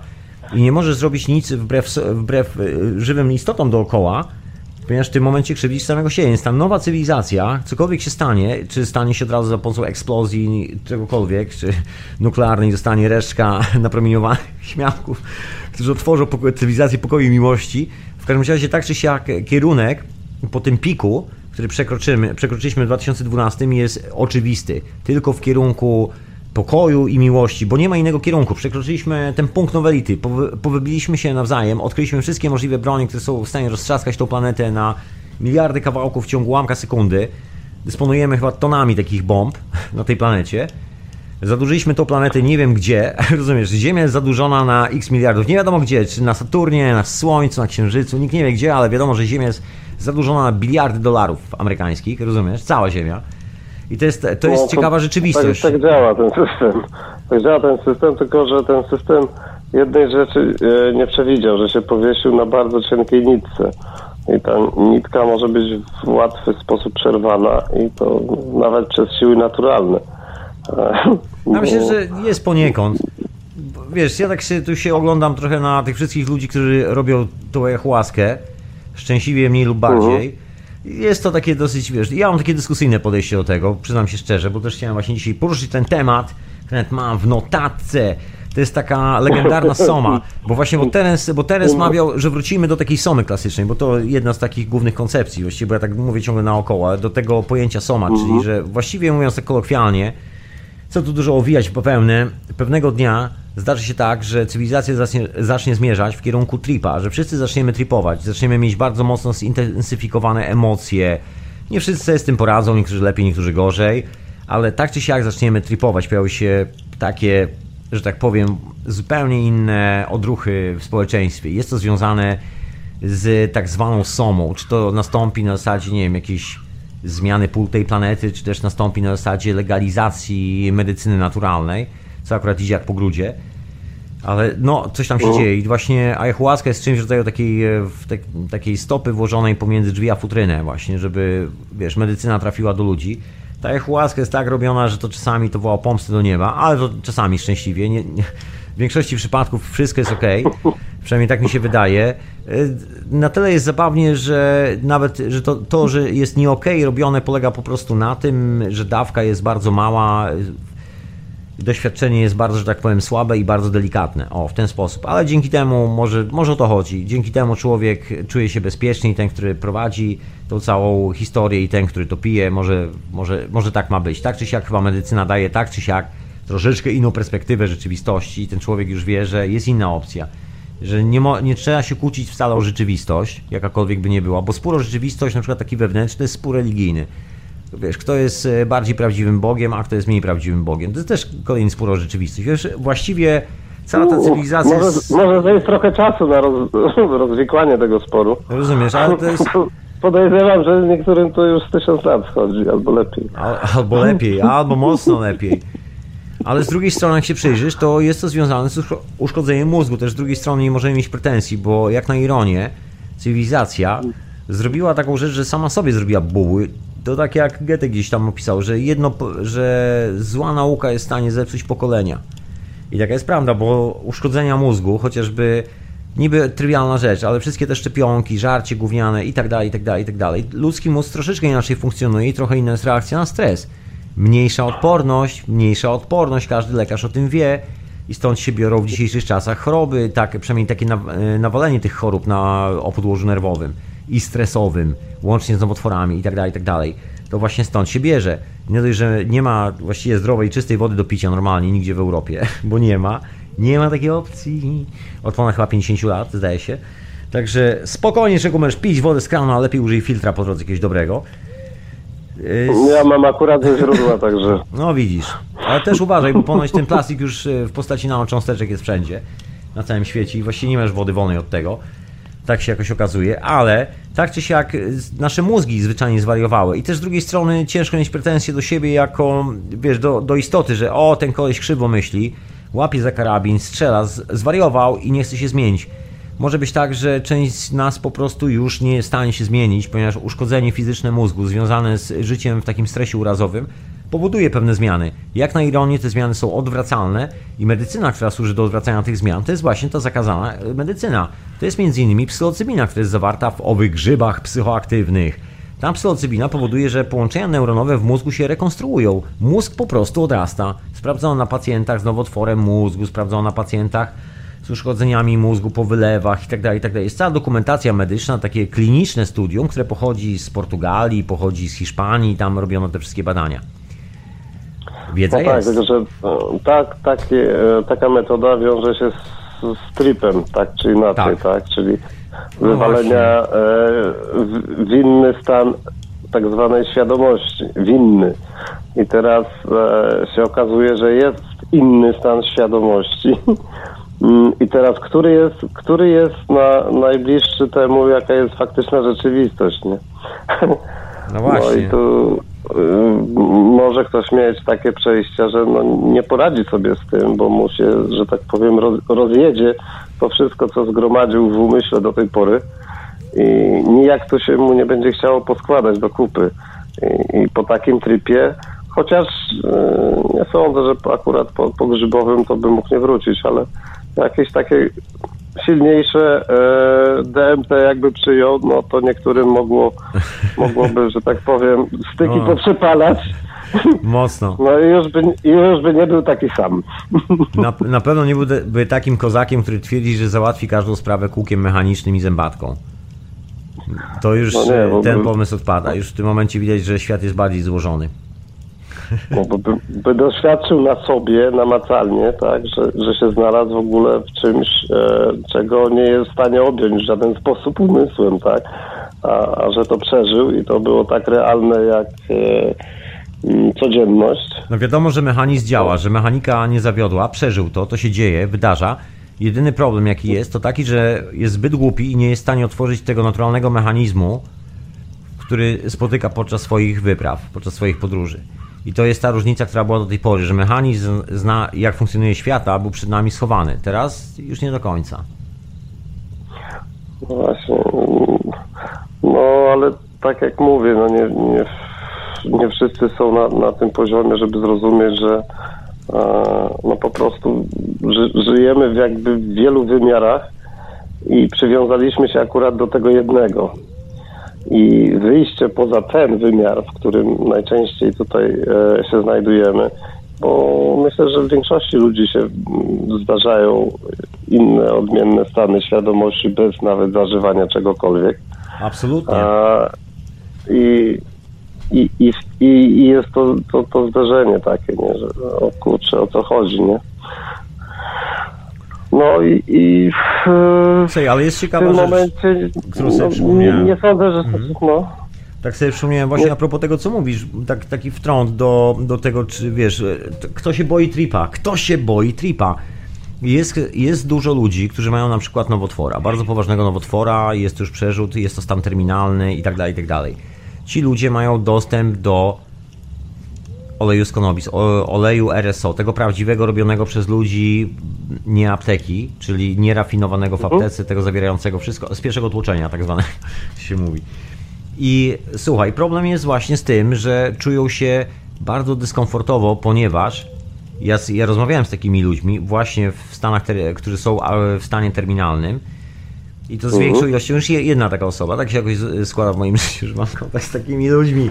Anyway, i ciekawostka, słuchaj, y, ludzie boją się momentu, kiedy tracą kontrolę nad swoim własnym życiem. Moment, kiedy zaczynają czuć się dobrze, kiedy nagle puszczają emocje, wiesz, wzięcie oleju jest taki moment takiego uderzenia. Jeżeli nikt, z, słuchaczko i słuchaczku, jeżeli nie brałeś nigdy oleju RSO, nie używałeś tego oleju z cannabis indica, nie z marihuany, bo marihuana to jest po prostu dziko rosnący tytoń, z którego się robi mapacho do ceremonii ayahuaski. Trochę inna roślina. Y, Natomiast y, cannabis indyka to jest ta roślina, z której się robi olej i ten olej się zażywa normalnie. Jej olej ma bardzo mocne działanie, ponieważ wszystkie substancje psychoaktywne są zagęszczone bardzo mocno właśnie w tym oleju. No i y, bardzo dłu- długotrwałe działanie. Po zapaleniu ten efekt tego piku się bardzo szybko, że tak powiem, rozchodzi po kościach, natomiast po zażyciu oleum potrafi to trwać parę godzin. I jeżeli ktoś ma problem ze sobą, nagle się okazuje, że ma jakąś emocję, która nie pozwala mu Chodzi tylko o manifestowanie samego siebie, tego, że ma dobre samopoczucie, tego, że na przykład, albo że ma kiepskie. Po prostu pozwolić sobie na manifestowanie tego, jak się czujesz. Nagle się okazuje, że wiele z, Tak, żeby, się, żeby było dobrze po prostu, nie? Tak, tak, ma, tak. ma opór przed tym, żeby się poczuć dobrze. Tak, ale widzisz, to jest taka gra, którą ludzie prowadzą często ze sobą przez całe życie. Wiedzą, że są w sytuacji niekomfortowej, cały czas się czują niekomfortowo, zresztą później stąd się pojawiają te choroby. No i, z, i jakby się szkolą się w sytuacji, żeby emocjonalnie nigdy nie pokazywać po sobie, są wkurwieni na rzeczywistość, że nienawidzą tego miejsca, w którym są, że są tu tylko po to, żeby załatwić swój deal do końca i jak tylko skończą deal, to się stąd zawijają. Ani słowa ci nie powiedzą, bo stwierdzają, ale lepiej robić, wiesz, to nie jest fajny interes, ale zróbmy go przynajmniej w miłej atmosferze. To jest tak samo toksyczne, jeżeli nie jeszcze bardziej toksyczne niż, Tak. niż e, robienie dealów w toksycznej atmosferze, bo wtedy przynajmniej możesz za przeproszeniem się wkurzyć, powiedzieć, "Jeż, twoja marynara! Rozumiesz? I rozładować to jak porządna włoska dziewczyna, rzucić talerzem o ścianę, kiedy przychodzi na to pora, rozumiesz? Zamiast schować głowę w ramiona i No sapać, tak. rozumiesz? Trzeba walnąć talerzem czasami o ścianę i o to chodzi. Rozumiesz? Na tym polega zdrowy związek czasami. Anyway, dziewczyny nie rzucajcie tak często, nie w chłopaków, w ścianę. Podłogę chociaż, nie? E, Rzucajcie w ścianę, najlepiej, z, najlepiej jak jest pasta z, e, pomidoro, z pomidorami. O, takie fajne wzorki wychodzą, rewelacja. Fajnie. jest. E, Anyway, zostawiamy wam rzucanie na ścianie. W każdym razie jest to, jest, jest bardzo poważny problem, bo wiesz, za dobrze się czują i nagle jest e, sytuacja, w której nie mogą już dłużej przed sobą odgrywać tej roli. Nagle wysiadają jako aktorzy. Zwyczajnie, po prostu po zjedzeniu, wiesz, solidnej dawki oleju nie jesteś w stanie przed sobą odgrywać roli. Jesteś zmęczony. Jeszcze przy takim zmęczonym organizmie, wiesz, w stanach nowotworowych, od razu chce ci się spać i tak dalej, ale refleksje są takie, że czymkolwiek chcesz się zająć, yy, czymkolwiek się martwisz, o czymkolwiek myślisz, zapominasz, wiesz, proste sprawy, o, zapomniałem sobie zrobić herbaty. Po prostu jesteś tak, jakbyś się naprawdę dobrze spalił i rzeczy, które tak naprawdę na co dzień są takim y, językiem rytuałów, gestów, które powtarzamy nie dlatego, że chcemy pić tą kawę czy herbatę, tylko dlatego, że ją zawsze pijemy. Nie dlatego robimy te rzeczy, że ich potrzebujemy, tylko dlatego, że lubimy je robić i lubimy się krzątać po naszym domu w konkretny sposób. I nagle się okazuje, że nie masz już potrzeby krzątania się po swoim domu, że zapominasz, że powinieneś zrobić jakąś rutynę w swoim życiu, która i tak nie ma żadnego sensu. I nagle jest przerażenie, że tracę kontrolę nad swoim własnym życiem. I to jest paranoiczna sytuacja, bo ty schodzisz, jesteś terminalnie może chory. inaczej, może- Masz wyrok śmierci od lekarza, ale... ale Ale się boisz. wydaje, że to jest odwrotnie, że to jest zdanie sobie sprawy, że ja nigdy nie miałem kontroli nad własnym życiem. To też jest, słuchaj, to jest druga strona. To jest coś, co się pojawia w rozmowach e, z, e, z takimi ludźmi, znaczy z ludźmi, którzy są w, e, w takowej sytuacji. To jest, to jest bardzo częsty temat rozmów, który się pojawia. Właśnie pytanie na temat, słuchaj, ale jak myślisz, jak kontrolujesz swoje własne życie? I to jest w ogóle bardzo ciekawa historia zawsze, rozmowa na ten no, temat. tak. Bardzo, bardzo ciekawa, bo nagle się okazuje, że, że człowiek rozkłada ręce i mówi, ale właściwie no tak, no nic nie kontroluje. No. Ale, to, ale jak się okazuje, to też niewiele zmienia, bo dalej jest próba, to może olej RSO. Nie, bo się, bo się źle po nim czuję. Fatalnie się czuję, źle moje emocje, nie radzę sobie. I nagle człowiek się otwiera i mówi, nie radzę sobie swoimi emocjami. Zwyczajnie. I to jest powód, dla którego boi się brać olej RSO, który by go wyleczył w ciągu miesiąca z całego tego nowotworu. I takich ludzi jest naprawdę spory. Ja poznałem więcej niż jedną, dwie i trzy osoby w takiej sytuacji. I to jest fenomen, bo Tak. mówimy o dorosłych ludziach, którzy stoją twarzą w twarzą z ostateczną sytuacją, za chwilę odejdą z tego wymiaru w formie fizycznej. Dalej będą żyli, bo nikt z nas nie umiera. To się nigdy nie kończy. No nie. My się raczej nie kończymy. Tutaj chciałem e, niestety zasmucić tych, którzy myślą, że nie wiadomo co się stanie i można wszystko. A czy można wszystko, ale e, dalej będziesz pamiętał każdy shit, shit który zrobiłeś człowieku i każde piękno. Także rób piękne rzeczy. No tak. To działa. To, przejdzie się w taki punkt, z którego widać i to, i poprzednie życia i tak dalej. Wszystko no, widać. widać że, tak, no bo ten, bo akurat no, czas się skończył i, i jest wszędzie, tak? W każdą stronę możesz podróżować. Otóż Każdy to. moment z każdego życia możesz sobie przejrzeć, zobaczyć, gdzie był błąd, przeżyć go jeszcze raz. Jeszcze Ja raz, myślę, że ta cywilizacja, w którą w, ogóle, w ten kierunek, w który idziemy, że świadomie będziemy to robili, że to już nie będzie. To jest to, o czym mówiło wielu ludzi. W naszych czasach, w tej zachodniej kulturze mamy Terensa McKenna. Jakbyśmy się wybrali gdzieś do Azji, to byśmy znaleźli Bahalala, czy właściwie do Arabii, Bahalala i jego przepowiednie, które właściwie niewiele się różnią, poza tym, że ma ten swój epicki, e, taki nawiedzony troszkę język opisywania. Terence, Terence jest z kolei pokoleniem e, Timothy'ego Leary'ego, więc Y, Więc mamy ten sam wspólny język komunikacji, ale mówimy dokładnie o tych samych historiach, o których mówiono 100 lat temu, 200 lat temu, 300 lat temu. I to jest ten moment powrotu właśnie do takiej zgody ze sobą samym, że nie boisz się własnych emocji, że wszystko w tobie jest tak poukładane, że nawet jeżeli zapomnisz wykonać takiego rytuału na co dzień, to nie ma problemu, to wszystko jest ok, akceptujesz to. To jest, to jest zupełnie inna historia. Tu nie ma kon- kontraktu z rzeczywistością, bo sytuacje, gdzie czegoś wymagasz, to jest sytuacja kontraktu. Dlatego wymagam, ponieważ mam kontrakt na rzeczywistość. To jest w ogóle ciekawa rzecz, że jeśli człowiek potrafi w stanie No, tak. terminalnym dalej e, kalkulować rzeczywistość na zasadzie kontraktu. I to jest ten spór o rzeczywistość, że część z nas dorosła i dalej twierdzi, że ktoś podpisał z nimi kontrakt na rzeczywistość, na to, że Ziemia jest taka, jaka jest, że prawo nauki jest takie, jakie jest, że życie jest takie, jakie jest, że mają kontrakt na to że oni coś robią i to ma samo przez się fakt, że oni to robią, ma tak bardzo ważne, po prostu jest tak ważne i tak, tak istotne, że z tego powodu za na przykład 10 lat muszą mieć dom z basenem i dwoma garażami dużymi. Wiesz, no to, to jest zaszczepione bardzo głęboko w umyśle i to jest ten policjant w głowie, który siedzi od zawsze, który jest wkładany e, w tą głowę bardzo skutecznie od dzieciństwa poprzez e, ró- różne e, zakazy, nakazy i tak dalej. Wiesz, ale jak na E, ironię to jest właśnie uszkodzony mózg, bo później, to, to jest ta tajemnica, a właśnie ciekawostka. Sorry, że tak się tak przerywam, ale tak mam, wiesz, rzucam tak wątki, bo wychodzisz mi wręcz naprzeciw. Także dorzucam tutaj e, wątka. Bracie, pójdź mi w ramiona. Słuchaj, pójdź mi w ramiona, bracie. Znaczy powiem, że to ja doszedłem do do- jak mam jakąś tam druidyczną przeszłość i właśnie spędzał wieczór przy druidycznej herbatce, czyli werbena cytrynowa. Rozumiem, ja przestałem E, teraz, e, rozumiem herbatkę, ja zaraz przy kawie i przestałem wierzyć w reinkarnację. Mam zupełnie inny koncept e, na ten pomysł, ostatnio coraz mocniejszy. Ale to, to dzisiaj od, odrzucam, e, odkładam reinkarnację, myślę, że za tydzień może, może wrócę do tego wątku, bo to jest taka rzecz, która mi chodzi mocno po głowie, bardzo ciekawe doświadczenia, moje własne, prywatne, zebrane też po ludziach, opowieści i e, no też takie wnioski troszeczkę, że jest to trochę inna historia niż, niż wydawało mi się wcześniej. Także też mam tutaj zmiany u siebie w percepcji kilku spraw. Ale wracając do tego uszkodzenia mózgu, to chciałem powiedzieć w ogóle ciekawostka. Współcześni lekarze, neurochirurdzy, kiedy biorą się za człowieka, już y, przychodzi ten moment, że człowiek się wkładzie w tej tubie, w maszynie do skanu MRI dokładnie i skanują ci mózg, tak 3D, to z reguły jest to jakiś powód. I jak się okazuje, dosyć dużo ludzi ma powód, żeby przeskanować sobie mózg, bo coś tam, coś tam ze zdrowiem. No i bardzo dużo z nas ma w środku mózgu takie ciemne punkciki.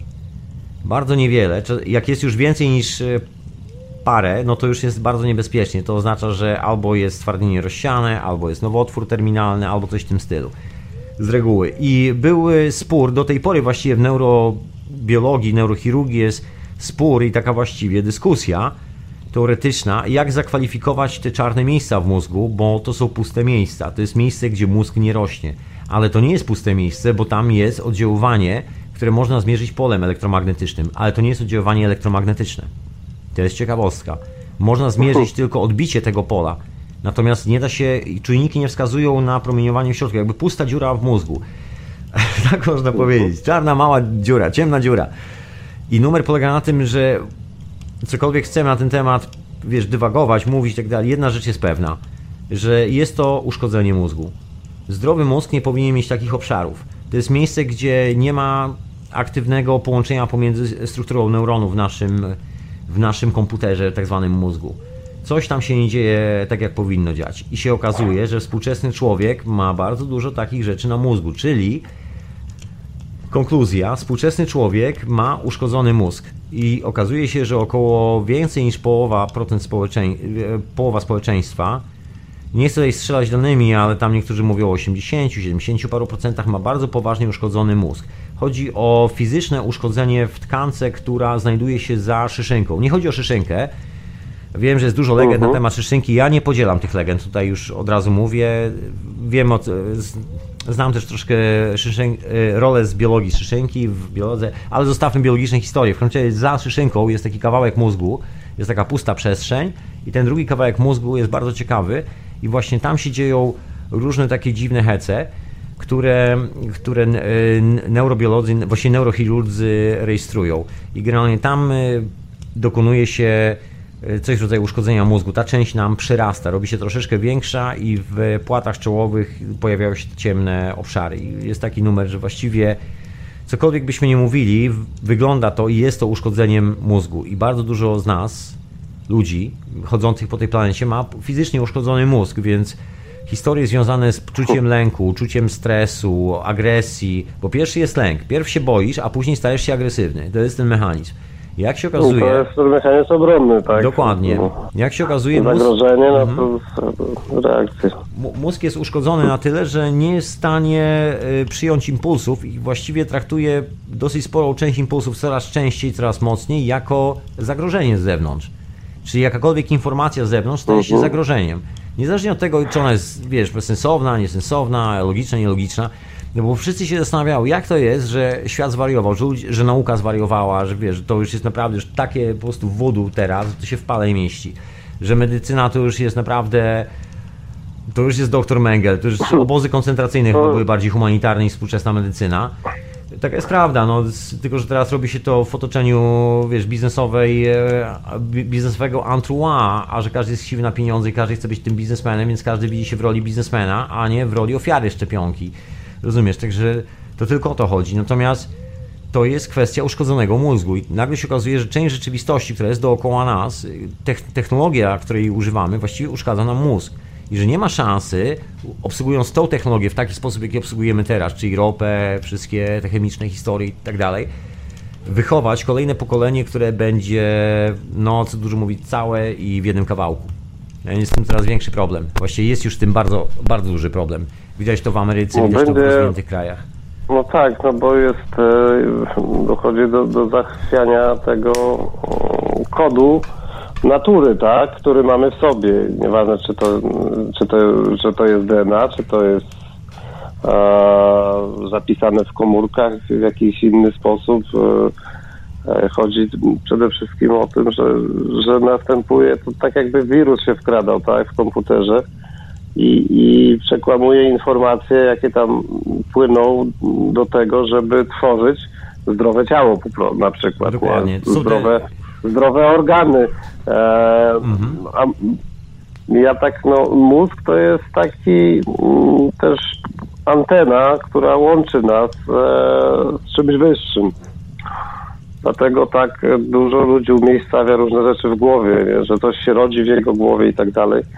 A, że przychodzą mu pomysły do głowy. egips- egipskie figurki, azjatyckie figurki z tym słońcem za głową.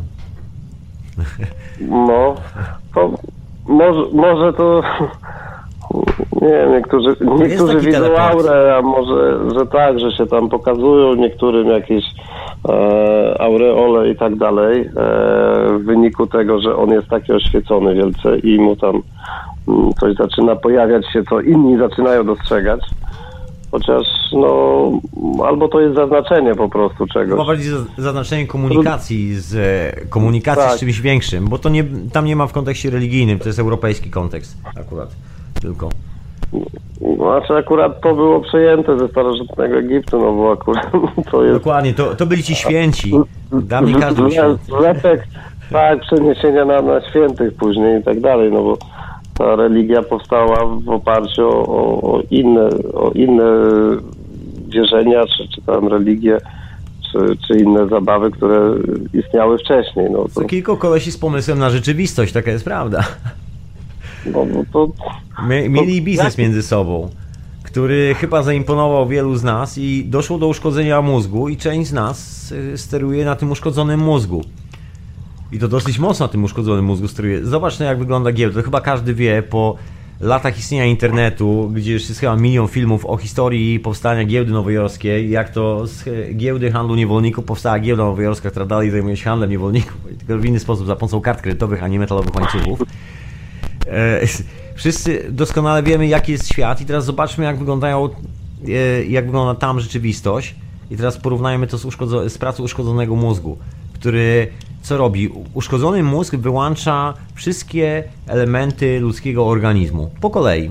Po to, żeby ocalić jak najwięcej sam z siebie. To jest taki mechanizm tak, tak zwanego kontrolowanego shutdown, czyli kontrolowanego wyłączenia, że, że mózg umiera ostatni. Kapitan odchodzi e, z łodzi ostatni. Na tej zasadzie. No, I mózg sterując wszystkim powoli wyłącza jedną rzecz, drugą, trzecią, czwartą, po to, żeby utrzymać odpowiednią ilość energii, żeby nie pojawiło się więcej tych czarnych dziur w środku i w ogóle, żebyśmy nie odlecieli z, z tej swojej fizycznej poświaty, że tak powiem. I tu się pojawiają uszkodzenia, poza tym, że mózgu, uszkodzenia fizyczne w organizmie. I to jest kolejna historia, która jest związana z tą naszą radosną cywilizacją.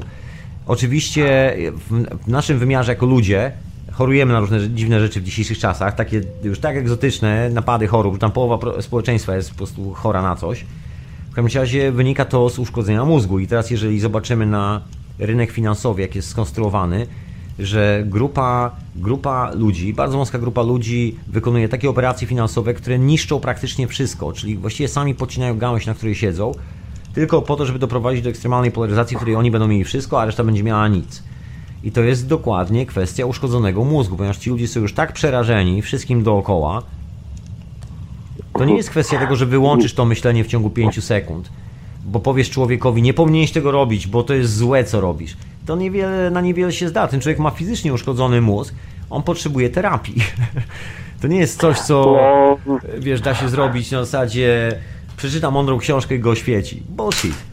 Facet ma uszkodzony mózg i zawsze w sytuacji stresowej jego mózg będzie pojawiał jakakolwiek książka już, bo na pewnych, pewne uszkodzenia mózgu w ogóle powodują to, że a, jakakolwiek wiedza już nie interesuje e, człowieka, tylko takie zaspokojenie tych podstawowych potrzeb i on już w zasadzie więcej nie musi szukać. To już uważa to za e, cel jego życia, bycia tutaj, tak? Tak, Jeżeli ma, jeżeli ma tutaj pełny żołądek, nie, nie leje mu się na głowę. ale cel już jest. Słuchaj, nawet jeżeli tego Komfort? celu... Nawet jeżeli tego celu nie ma przy sobie, to celem jest basen, celem jest lepszy dom. Zawsze jakiś cel się znajdzie. Jest dookoła potężna kultura, która, która właściwie operuje czymś takim, takim specjalnym laserem, który, który ustawia na odpowiednie punkty i mówi, zobacz, aż tu jest basen, tu jest to, tu jest tamto, tu jest tamto. I właściwie sami sobie ustawiamy to wszystko. To jest nasz spór o rzeczywistość. Sami ze sobą się kłócimy.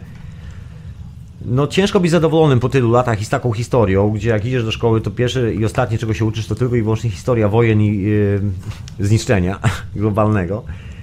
Dorastając z czymś takim, wiesz, ciągle... brak- z- jakiegoś, wiesz, krytycznego myślenia i podporządkowania się autorytetom, bo są ci, którzy wiedzą zawsze lepiej i nie musisz się nad tym zastanawiać, po prostu tak jest ustalone, tak było od zawsze, że jest grupa tych, którzy wiedzą najlepiej wszystko i dzięki temu możemy ci wytłumaczyć, jak to wszystko działa. No to są te światy, słuchaj, dualizmu, to właśnie stąd się bierze, bo ten dualizm jest cały, to jest w ogóle wymyślony koncept od początku do końca i to chyba tak ktoś naprawdę mocno nad tym pracował, ja, ja to palcem na Watykan wskazał i nie tylko, mocno, mocno, żeby dobro i zło było na świecie, żebyśmy w to wszystko wierzyli, bo to jest tylko spór o koncept na rzeczywistość. Jeżeli ktoś ma koncept, który jest toksyczny, to nie jest kwestia dobra i zła, bo to nie chodzi o dobro i zło, chodzi o to, czy przypadkiem y, nie skończy się tym, że będziesz musiał zjeść swoje własne nogi na koniec, rozumiesz? No właśnie do tego się sprowadza. To troszeczkę jak w opowieściach Marka Twaina o kolesiach, którzy płynęli na łódce przez ocean, bo statek poszedł na dno i nie mieli już co jeść i powoli, powoli zjadali nogę, rękę i tak dalej, i tak dalej. Tak, żeby jak najdłużej sami pozostać przy życiu, świadomie, ale coś tam sobie odgryźć, to palec y, zjeść, to rozumiesz? Taka oko- o- okrutna makabreska. nie? Makabryczne. tak, Rozumiesz? I, I to jest taki model biznesu. To jest taki model biznesu, gdzie otwiera się fabrykę tylko po to, żeby ją zamknąć. Nic innego, ale to jest ten koncept dualizmu, który właśnie został wymyślony. To jest ten y, pomysł na rzeczywistość, że z katastrofą w tle, że, jest, że wszystko jest e, oparte na katastrofie, że to jest naturalny proces, że właściwie katastrofa jest tym, co wygrywa, że wojna prowadzi do rozwoju cywilizacji i nauki, że, że jak się człowiek z drugim pokłóci i po Tak. pysku e, nastuka, to rozwiąże jakiekolwiek sytuacje i tak dalej, i tak dalej. Wszystkie te wiara w to, że jest się żołnierzem w jakimś konflikcie, wiara w to, że w ogóle jest jakaś wojna i że jest jakikolwiek konflikt. I samo w ogóle takie podejście, nastawienie do życia, że ja tu muszę o coś walczyć. Że jestem, wiesz, wojownikiem o, wiesz, dobrą albo złą stronę, No tak. albo, wiesz, cokolwiek to jest. To jest Ale to ciekawe założenie, bo jak wyjdziemy, to ile tych wojen w końcu trzeba zrobić i... a nigdy się nie skończył, bardzo- słuchaj, zawsze będzie ktoś. Tak, że, żeby, żeby dokonał się jakiś e, no, przełom taki, żeby no nie wiem, co się stało. No żeby, ludziom było le, żeby ludziom było lepiej. Będziemy walczyć o utrzymanie pokoju do ostatniej kropli krwi. I, i do ostatniego pocisku. Tak. Tak, tak. No, tak taki zamek się nie zamknie. Oczywiście. Koncept, to jest taki koncept dualizmu oparty na nieustannej katastrofie w tle.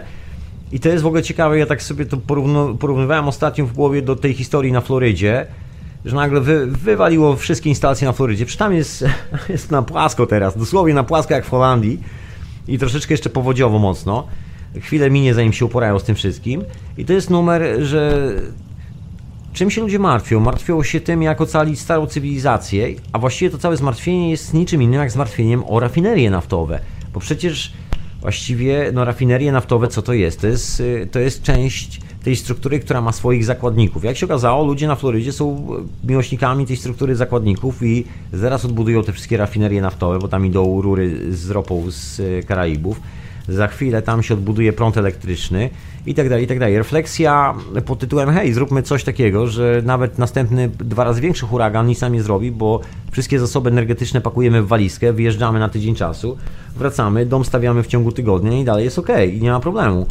Natomiast nie można tego doprowadzić, ponieważ to już jest... y, To już jest czyjąś rzeczywistością. Ktoś już ma, ma jakąś grę. że To to jest mój kawałek ziemi jeżeli ty tu postawisz nogę, to zapłacisz tyle i tyle. I ustawiamy się tak, że ten kawałek ziemi dzisiaj jest warty 5 kamyków, jutro 15 kamyków i ty masz z tego 3 kamyki swoje, jak będziesz tu mieszkał.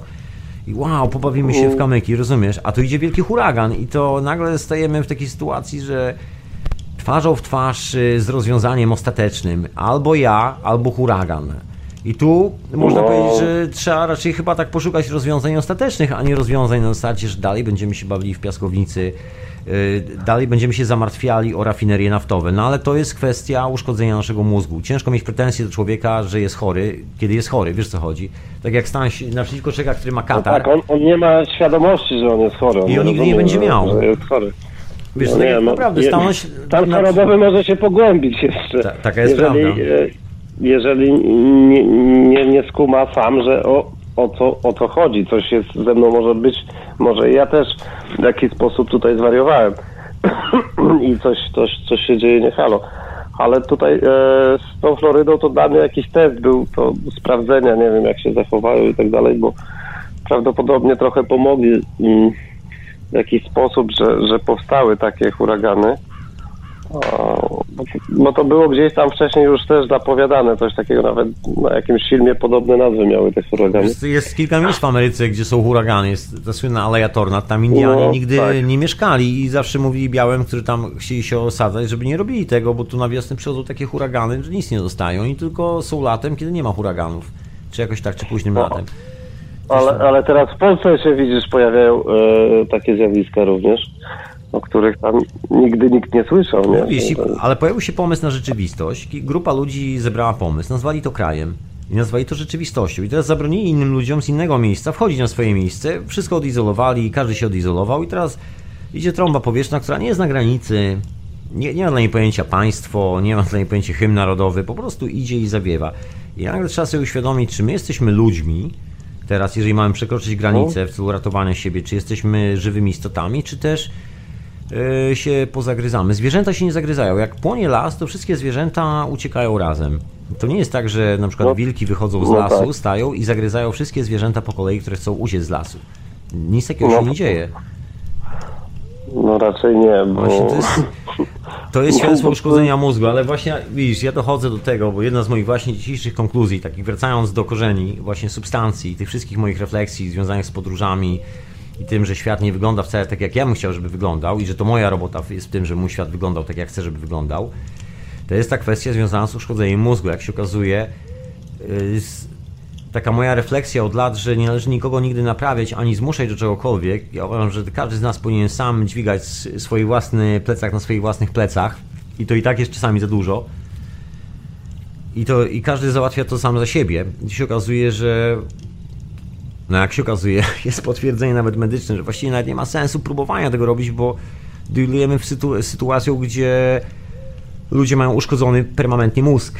I zwyczajnie ten stres zawsze wygrywa. Kiedy cokolwiek się dzieje nerwowego dookoła, zawsze ten pattern będzie szedł po tym ustawieniu neuronów, które już mam w głowie wybudowane. Także nie można tutaj wrzeszczeć na człowieka, bo to tak jak stanąć naprzeciwko właśnie człowieka z grypą, któremu się leje z nosa i nie może się odkleić od chusteczki higienicznej i powiedzieć i mu człowieku, ale ty jesteś hamem, że smarkasz, wiesz co? I mieć do niego pretensje i mm. go jeszcze nastawiać, że mówić, że jak ty tu smarkasz, ty śmiesz tu smarkać, czyku, nie jesteś świadomy tego, co się dzieje na świecie, ty, słuchaj, lasy giną, Amazonka płonie, ty mi tu smarkasz, ty kurde, bydle, ty, wyśniaku, ty, rozumiesz? Coś w tym stylu. No, to, ale to już dochodzi trochę do takiej sytuacji, tak jak mają niektórzy problem, że kobieta karmi dziecko piersią, bo akurat dziecku się tak chciało, a że jest w miejscu, jakie jest, i jest to może jakieś miejsce publiczne, ale tak powiem, no, to dziecko się domaga tego, co się domaga, no i musi zjeść po prostu. Ja, ja myślę, no że takiemu komuś... To jest, to jest normalna reakcja, natomiast tutaj coraz więcej ludzi to oburza, że jak to tak. No takie egzotyczne jak, tak, jak tak można. To ja czekam na moment, kiedy ptak zesra się takiemu dżentelmenowi albo takiej lady, która zwraca uwagę mojej mamie, e, ptak się zesra na głowę, bo to już jest sytuacja, w której nie, nie można tego kontrolować. Po prostu no, nie da się dać wszędzie dachu nad głową, rozumiesz? Nie da się. Czasami trzeba przejść pod gołym niebem i wtedy właśnie ptak zesra mu się na głowę. I to no będzie tak. właśnie, właśnie wtedy, kiedy będziesz szła na rozmowę albo on na rozmowę rekrutacyjną w jakiejś bardzo ważnej sprawie, gdzie wszyscy zwracają uwagę na twój wygląd i właśnie wtedy zestra mu się na głowę. I będzie ten kawałek rzeczywistości, którego dotknie. Nie życzę tego nikomu, absolutnie, żartowałem. Ale niektórzy po, potrzebują czasami takiego sprowadzenia na, na ziemię, że zobacz, no tu dzieją się i takie rzeczy proste, nie? A, a tak mogą ci, takie miałeś piękne plany, a tu niestety e, coś się wydarzyło, coś się pokrzyżowało i w życiu byś tego nie przewidział. To, to potwierdza tylko, że no faktycznie nie, nie mamy kontroli nad tym, co się e, wydarza z nami, nawet z naszym ciałem. Znaczy mamy, ale nie, nie z tego nie poziomu, nie z poziomu, nie z poziomu umysłu, że tak powiem. No i to każdy ma taką lekcję, no, no, jaką sobie zasłużył, jaką sobie wypracował. Wielu się nie może pogodzić z tym, że ma akurat taką. Ale, no, no, zdecydowanie, słuchaj, tam kolejny milion przetaczają na rachunkach i dalej, to jeszcze nie jest to, to jeszcze nie jest ta suma, za którą, za którą mogę, że tak powiem, kupić leżak i położyć się gdzieś e, w naturze i się pobyczyć. Jeszcze kolejny milion, jeszcze za mało. No właśnie. Uszkodzenie mózgu, proszę pana, uszkodzenie mózgu. I to jest tak, e, tak. tak że no, no, chcielibyśmy mieć pretensje, bo to fajnie byłoby mieć pretensje do kogoś, stać i powiedzieć, oż ty pieprzony dupko. Rozumiesz? Bo taka jest prawda, bo jest pieprzonym dupkiem, który jest kawałem chama, dupka nieprzeciętnego, niszczy wszystko, wszystko dookoła siebie na każdym możliwym poziomie, ale ale widzisz, numer polega na tym, że to, to jest uszkodzenie mózgu i to nie jest tak do końca, że można sobie wstać i no powiedzieć, stary, to nie fair, że masz katar. Rozumiesz, no, no jasne, że nie fair, no. że mam katar, ale jak się okazuje, każdy z nas ma troszeczkę tego kataru w tej cywilizacji i chyba jedyna idea, ja tak sobie, znaczy no jedna z wielu idei, ja myślę, że to jest taki powrót do korzeni właśnie, że może powoli chyba ta ich łaska, może, może jak zaczną robić ją troszeczkę mocniejszą, nawet jak słabsze jest to może, może tak czy siak. Teraz jest sezon, nadchodzą grzyby, także chyba czas odkryć tą rzeczywistą, wiesz, hiperprzestrzeń powoli. Tak mi się wydaje. Poza tą przestrzenią, na którą się wszyscy umówili, tą rzeczywistością, jest jeszcze inna. Może jest jeszcze inna i, i, i tam się dopiero zaczyna y, poznawanie. Ja się dziwię też, że nikt nie dojdzie do prostego wniosku, że e, nawet jak wierzy, wie, jak wierzy jeszcze tym bardziej, że coś będzie po tej śmierci, tak, jego fizycznej, mm, no No i co? I jak on tutaj się nie znalazł, nie ogarnął się w tym życiu, to, to co? To uważa, że tam się odnajdzie dopiero. O, sorry stary, tam dopiero będziesz miał jazdę. tam tak. dopiero... E, tam dopiero się znajdziesz w innej rzeczywistości. No ilość tak- attachmentów się ciągnie za człowiekiem. To się ciągnie. Bez powrotu do tej fizyczności, tak? Więc e, jak nie jesteś na to przygotowany, no to, no to dalej będziesz sobie błądził i, i, i szukał. Jesz, jeszcze bardziej się może zamotać, no. Bo, albo zrozumieć, nie wiem, zo- zobaczymy. To, ja myślę, że czas nam sprzyja, bo jak widać mama natura już jest taka, no że tak powiem w ruchu mocno, co widać po Florydzie, kilku miejscach na świecie. I to już w tym momencie, czy chcemy, czy nie, jesteśmy stawiani w takiej sytuacji, że okej, możesz traktować serio swój własny samochód, ale możesz potraktować serio swoje własne życie. Masz tutaj tylko te, te dwie opcje do wyboru. Albo będziesz zostało w tym domu i ten dom z tym samochodem wyleci w powietrze, bo zaraz tam wulkan walnie, przejdzie tornado, cokolwiek się stanie albo skumasz, y, jaką wartością jest twoje życie, chociażby patrząc, nie wiem, na swoje dzieciaki, wiesz, na rodzinę, na, wiesz, przyjaciół, No, y, cokolwiek. Y, Przez to, że zobaczysz przez tą krótką chwilę swoją własną wartość. Tak jak ja widzę swoją własną wartość w poczuciu swoich, wiesz, swojej rodziny, swoich przyjaciół i tak dalej. Nic więcej, nic mniej. To jest, I to jest... y, to dla, lekcja pokory po prostu. Tak, taka lekcyjka chyba myślę nadchodzi. Tam już widzę te, trzęsienia dzieje w Kalifornii, to tak nikt głośno y, nie stąka, nie stęka, nic nie mówi, ale... No tam w Meksyku bardziej było, tam było coś koło ósemki, takie dosyć mocne i to tak zaraz przed, zaraz przed, przed tym huraganem, czy, czy jakoś tak na styku, tak, dokładnie. że tam jeszcze... No ale to cały czas coś się, coś się przesuwa na tej ziemi, coś... Akurat tu z Islamczykiem się spotkałem ostatnio i, i mi mówi, pamiętasz taki wybuch u nas wulkan, co tu samoloty nie latały, nie? A mówię, no pamiętam, to, wie, to wiesz co, to teraz budzi się, my, my go nazywamy Big Mama, to jest taki, e, no, sporo większy od tego, co Tak. wtedy wybuchł. I, I w zasadzie tak nie wiemy, co się, co się dalej stanie, tak? Jak, jakie tego będą konsekwencje. Więc e, no tutaj coraz, coraz e, bardziej leci, widać tą ak, ak, aktywność tej ziemi w różnych punktach. E, we Włoszech też jakieś wulkany, które nigdy nie były aktywne, nagle coś tam się zaczyna z nich kopcić i, i dymić. Więc no, No to już chyba taki moment, że myślę, że, że powoli do legendy może przejdzie ten spór o rzeczywistość. Przynajmniej taką mam nadzieję, bo też chyba też już taki troszeczkę tak stojący na konkretnej kontrze ze wszystkim, bo to już jest naprawdę takie, w dzisiejszych czasach jest to szaleństwo, absolutnie szaleństwo, to już e, to już nie ma się co spierać chyba o rzeczywistość powoli. Chociaż widzisz, jak zawsze to jest część czegoś, co jest w nas. To jest taka nasza wewnętrzna zgoda, że, że mamy biznes. Że tak ciężko pracowałem, że muszę osiągnąć to, co wydaje mi się da mi szczęście. Bo tak się No tak. nauczyłem, bo tak uwierzyłem. Niekoniecznie dlatego, że czuję się szczęśliwy, rozumiesz? Tak jak z tymi ludźmi, którzy robią te choroby. Także zobaczymy. Ja myślę, że takie czasy już konfrontacyjne, tak jak mówił teraz McKenna, tak właśnie jest. Jesteśmy w czasie, gdzie jest kompletne takie novelty.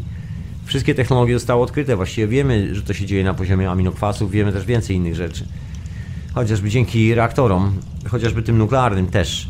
Wiemy naprawdę bardzo dużo. Właściwie wiemy wszystko, co jest potrzeba. Wiemy, że wodór e, jest elektronem, wiemy, że elektron jest wodorem, wiemy, że to jest właśnie to pole, które jest e, w całym kosmosem, całym uniwersum. Wiem wszystkie te rzeczy. To nie jest już taką tajemnicą, jak było, nie wiem, lat temu ze czasów Nikoli Tesli albo coś w tym stylu. Także nie... I teraz jest pytanie, czy to w ogóle, czy używamy czegoś takiego, rozumiesz? To tak jak, wiesz, z tym prądem elektrycznym na Florydzie. Wiesz, odbudowują z powrotem myślę, instalację że, że my stoimy dopiero przed odkryciami takich no, no, znaczących e, technologii i to w ogóle, które się w tej chwili w głowie jeszcze nie mieszczą większości ludzi, dlatego że, że oparte w ogóle na, na czymś zupełnie innym. No, w mojej głowie się mieszczą. Ja bym nie powiedział, że nie mieszczą się w głowie ludzi. Ja powiem ci nawet, powiem, będę bezczelny i powiem, one nawet już tu są, rozumiesz? Powiem ci, że ta Oj, technologia już tu jest. Absolutnie. Ja nie będę nic więcej mówił. Ale ona już tu jest. Według mnie oczywiście, to wcale się nie trzeba ze mną zgadzać. I faktycznie jedyny strach to jest ta granica, którą e, wszyscy będą musieli przekroczyć. Wszyscy chcący skorzystać z tych, z tej innej opcji. e, e, Ta granica, która polega na tym, że nie ma biznesu, nie ma w życiu pomysłu na życie, że w tym momencie trzeba zaakceptować życie takie, jakie, jakie ono jest. Jeżeli są dzieciaki to są dzieciaki, jeżeli jest y, rock and roll, to jest rock and roll, jeżeli ktoś przychodzi, ktoś odchodzi, to ktoś przychodzi, ktoś odchodzi, po prostu życie jest takie, jakie jest, to jest po prostu, ja to lubię nazwać rock and roll, się po prostu cały czas dzieje, 2-4 na dobę. I to jest dynamiczny No, obrazek. i nie ma do czego się przyzwyczaić i szkoda nawet czasu i życia na robienie sobie jakiegokolwiek dealu, takiego wiesz, przyszłości, że, że ja teraz sobie połamię plecy, ręce i nogi po to, żeby kiedyś sprawdzić, czy przypadkiem jak sobie wybuduję ten dom ze swoich marzeń, to będę tam szczęśliwy, kiedy będę już kaleką. Może wcale tak się nie udać, może to nie o to chodzi.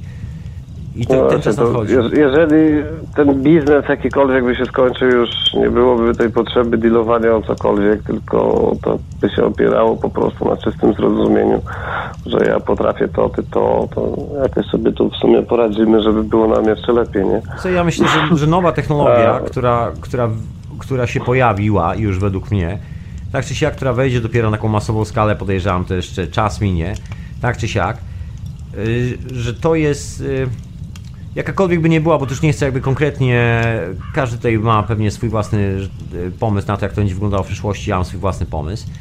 Y, W każdym razie wydaje mi się, że to już nie pozostawi y, żadnych złudzeń. Nie będzie takiej opcji, że że biznes na tym na przykład straci. To jak na ironię właśnie działająca technologia, czyli działają, działająca w sensie nie robiąca biznesu, czyli nie robiąca sporu o rzeczywistość, nie kłócąca się, nie wymyślająca własnej rzeczywistości. Prawdziwa technologia oparta dokładnie na tych samych zasadach, na których oparta jest cała natura i cały kosmos. Bo to jest jedyna technologia, która nie zostawia śmieci. Rozumiesz, planeta jako fabryka wszystkich możliwych komponentów, najcięższych, lżejszych pierwiastków, wszystkiego, co- co- cokolwiek znamy, nie zostawia śmieci. Rozumiesz, nie pakuje worka ze śmieciami i wysyła go w kosmos. Tego Ziemia nie robi, a produkuje wszystko. I to jest właśnie ta technologia, rozumiesz? Poradzić z utylizacją e, tego, co jesteśmy- wytworzy. słuchaj, Sama, jest- naturalnie. No to dobra, konkluzja dalej. My jesteśmy tą naturą i ten moment, kiedy przekroczymy te novelty point, czyli ten punkt odkrywczości, to jest moment, kiedy rozumiemy, że sami jesteśmy naturą i automatycznie każda technologia, która nam wejdzie do rąk, ta, która się sklei z naszymi rękami, będzie już tylko i wyłącznie tą właściwą technologią, bo po przekroczeniu tego punktu jesteś skazany na to, czy chcesz, czy nie, na powrót do mamy natury. Po prostu nie ma innej opcji. Inna opcja zwyczajnie nie przetrwa, a ta jedyna jako może zadziałać w takiej sytuacji, tak zwyczajnie mówiąc.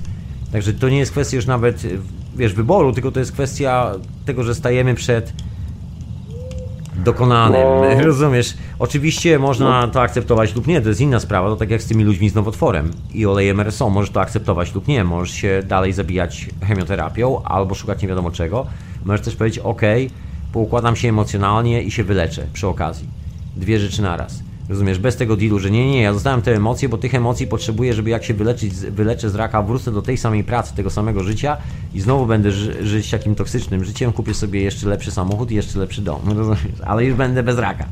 No, no właśnie, ale być może to ten sposób tego życia doprowadził do tego, że musisz przejść przez, przez raka, to znaczy musisz przejść, no, no Dokładnie. akurat doświadczasz, doświadczasz raka, bo rak jak, I ta- słuchaj, ja myślę, że to- mhm. nie, nie, nie jest może i chorobą nawet, bo to jest e, trochę inaczej to się dzieje, bo to jest Dokładnie. reakcją naturalną organizmu, ale robi się z tego chorobę po to, żeby robić z tego biznes.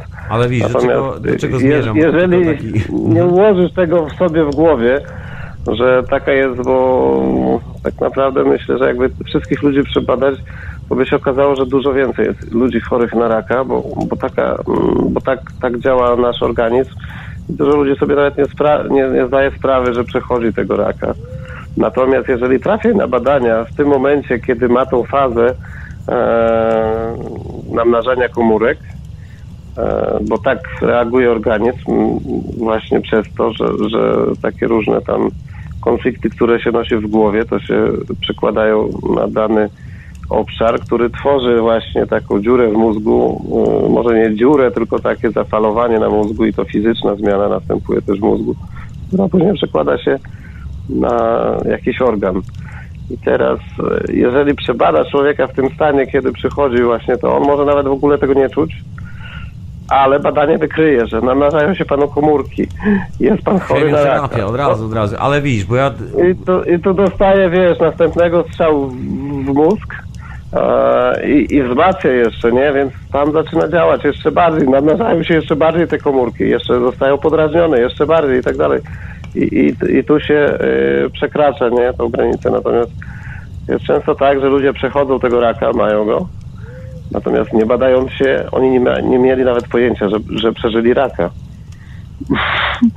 Ale Jakby się dowiedzieli chodzi... coś, coś, coś takiego, to by powiedzieli, wow, nie, nie, niemożliwe, nie, że miałem. Rozumiesz, ale właśnie, widzisz, może miałeś. jest, istotny jest tutaj sobie mechanizm, bo właściwie wiemy, że mechanizm działa, że to nie jest lipa, tak się właśnie zachowuje organizm, tak to jest. Ale mechanizm działa też w drugą stronę, bo nie jest to mechanizm tylko w jedną stronę. I to jest właśnie coś, o czym ja myślę w kategoriach przyszłości. To jest ta druga część mechanizmu. Tak jak teraz działa w tą drugą stronę, czyli ten spór o rzeczywistość doprowadza ludzi dosłownie do takiej ściany z życiem, że muszą często się pożegnać, powiedzieć papa, nie, da, nie dałem rady po prostu, taka jest prawda.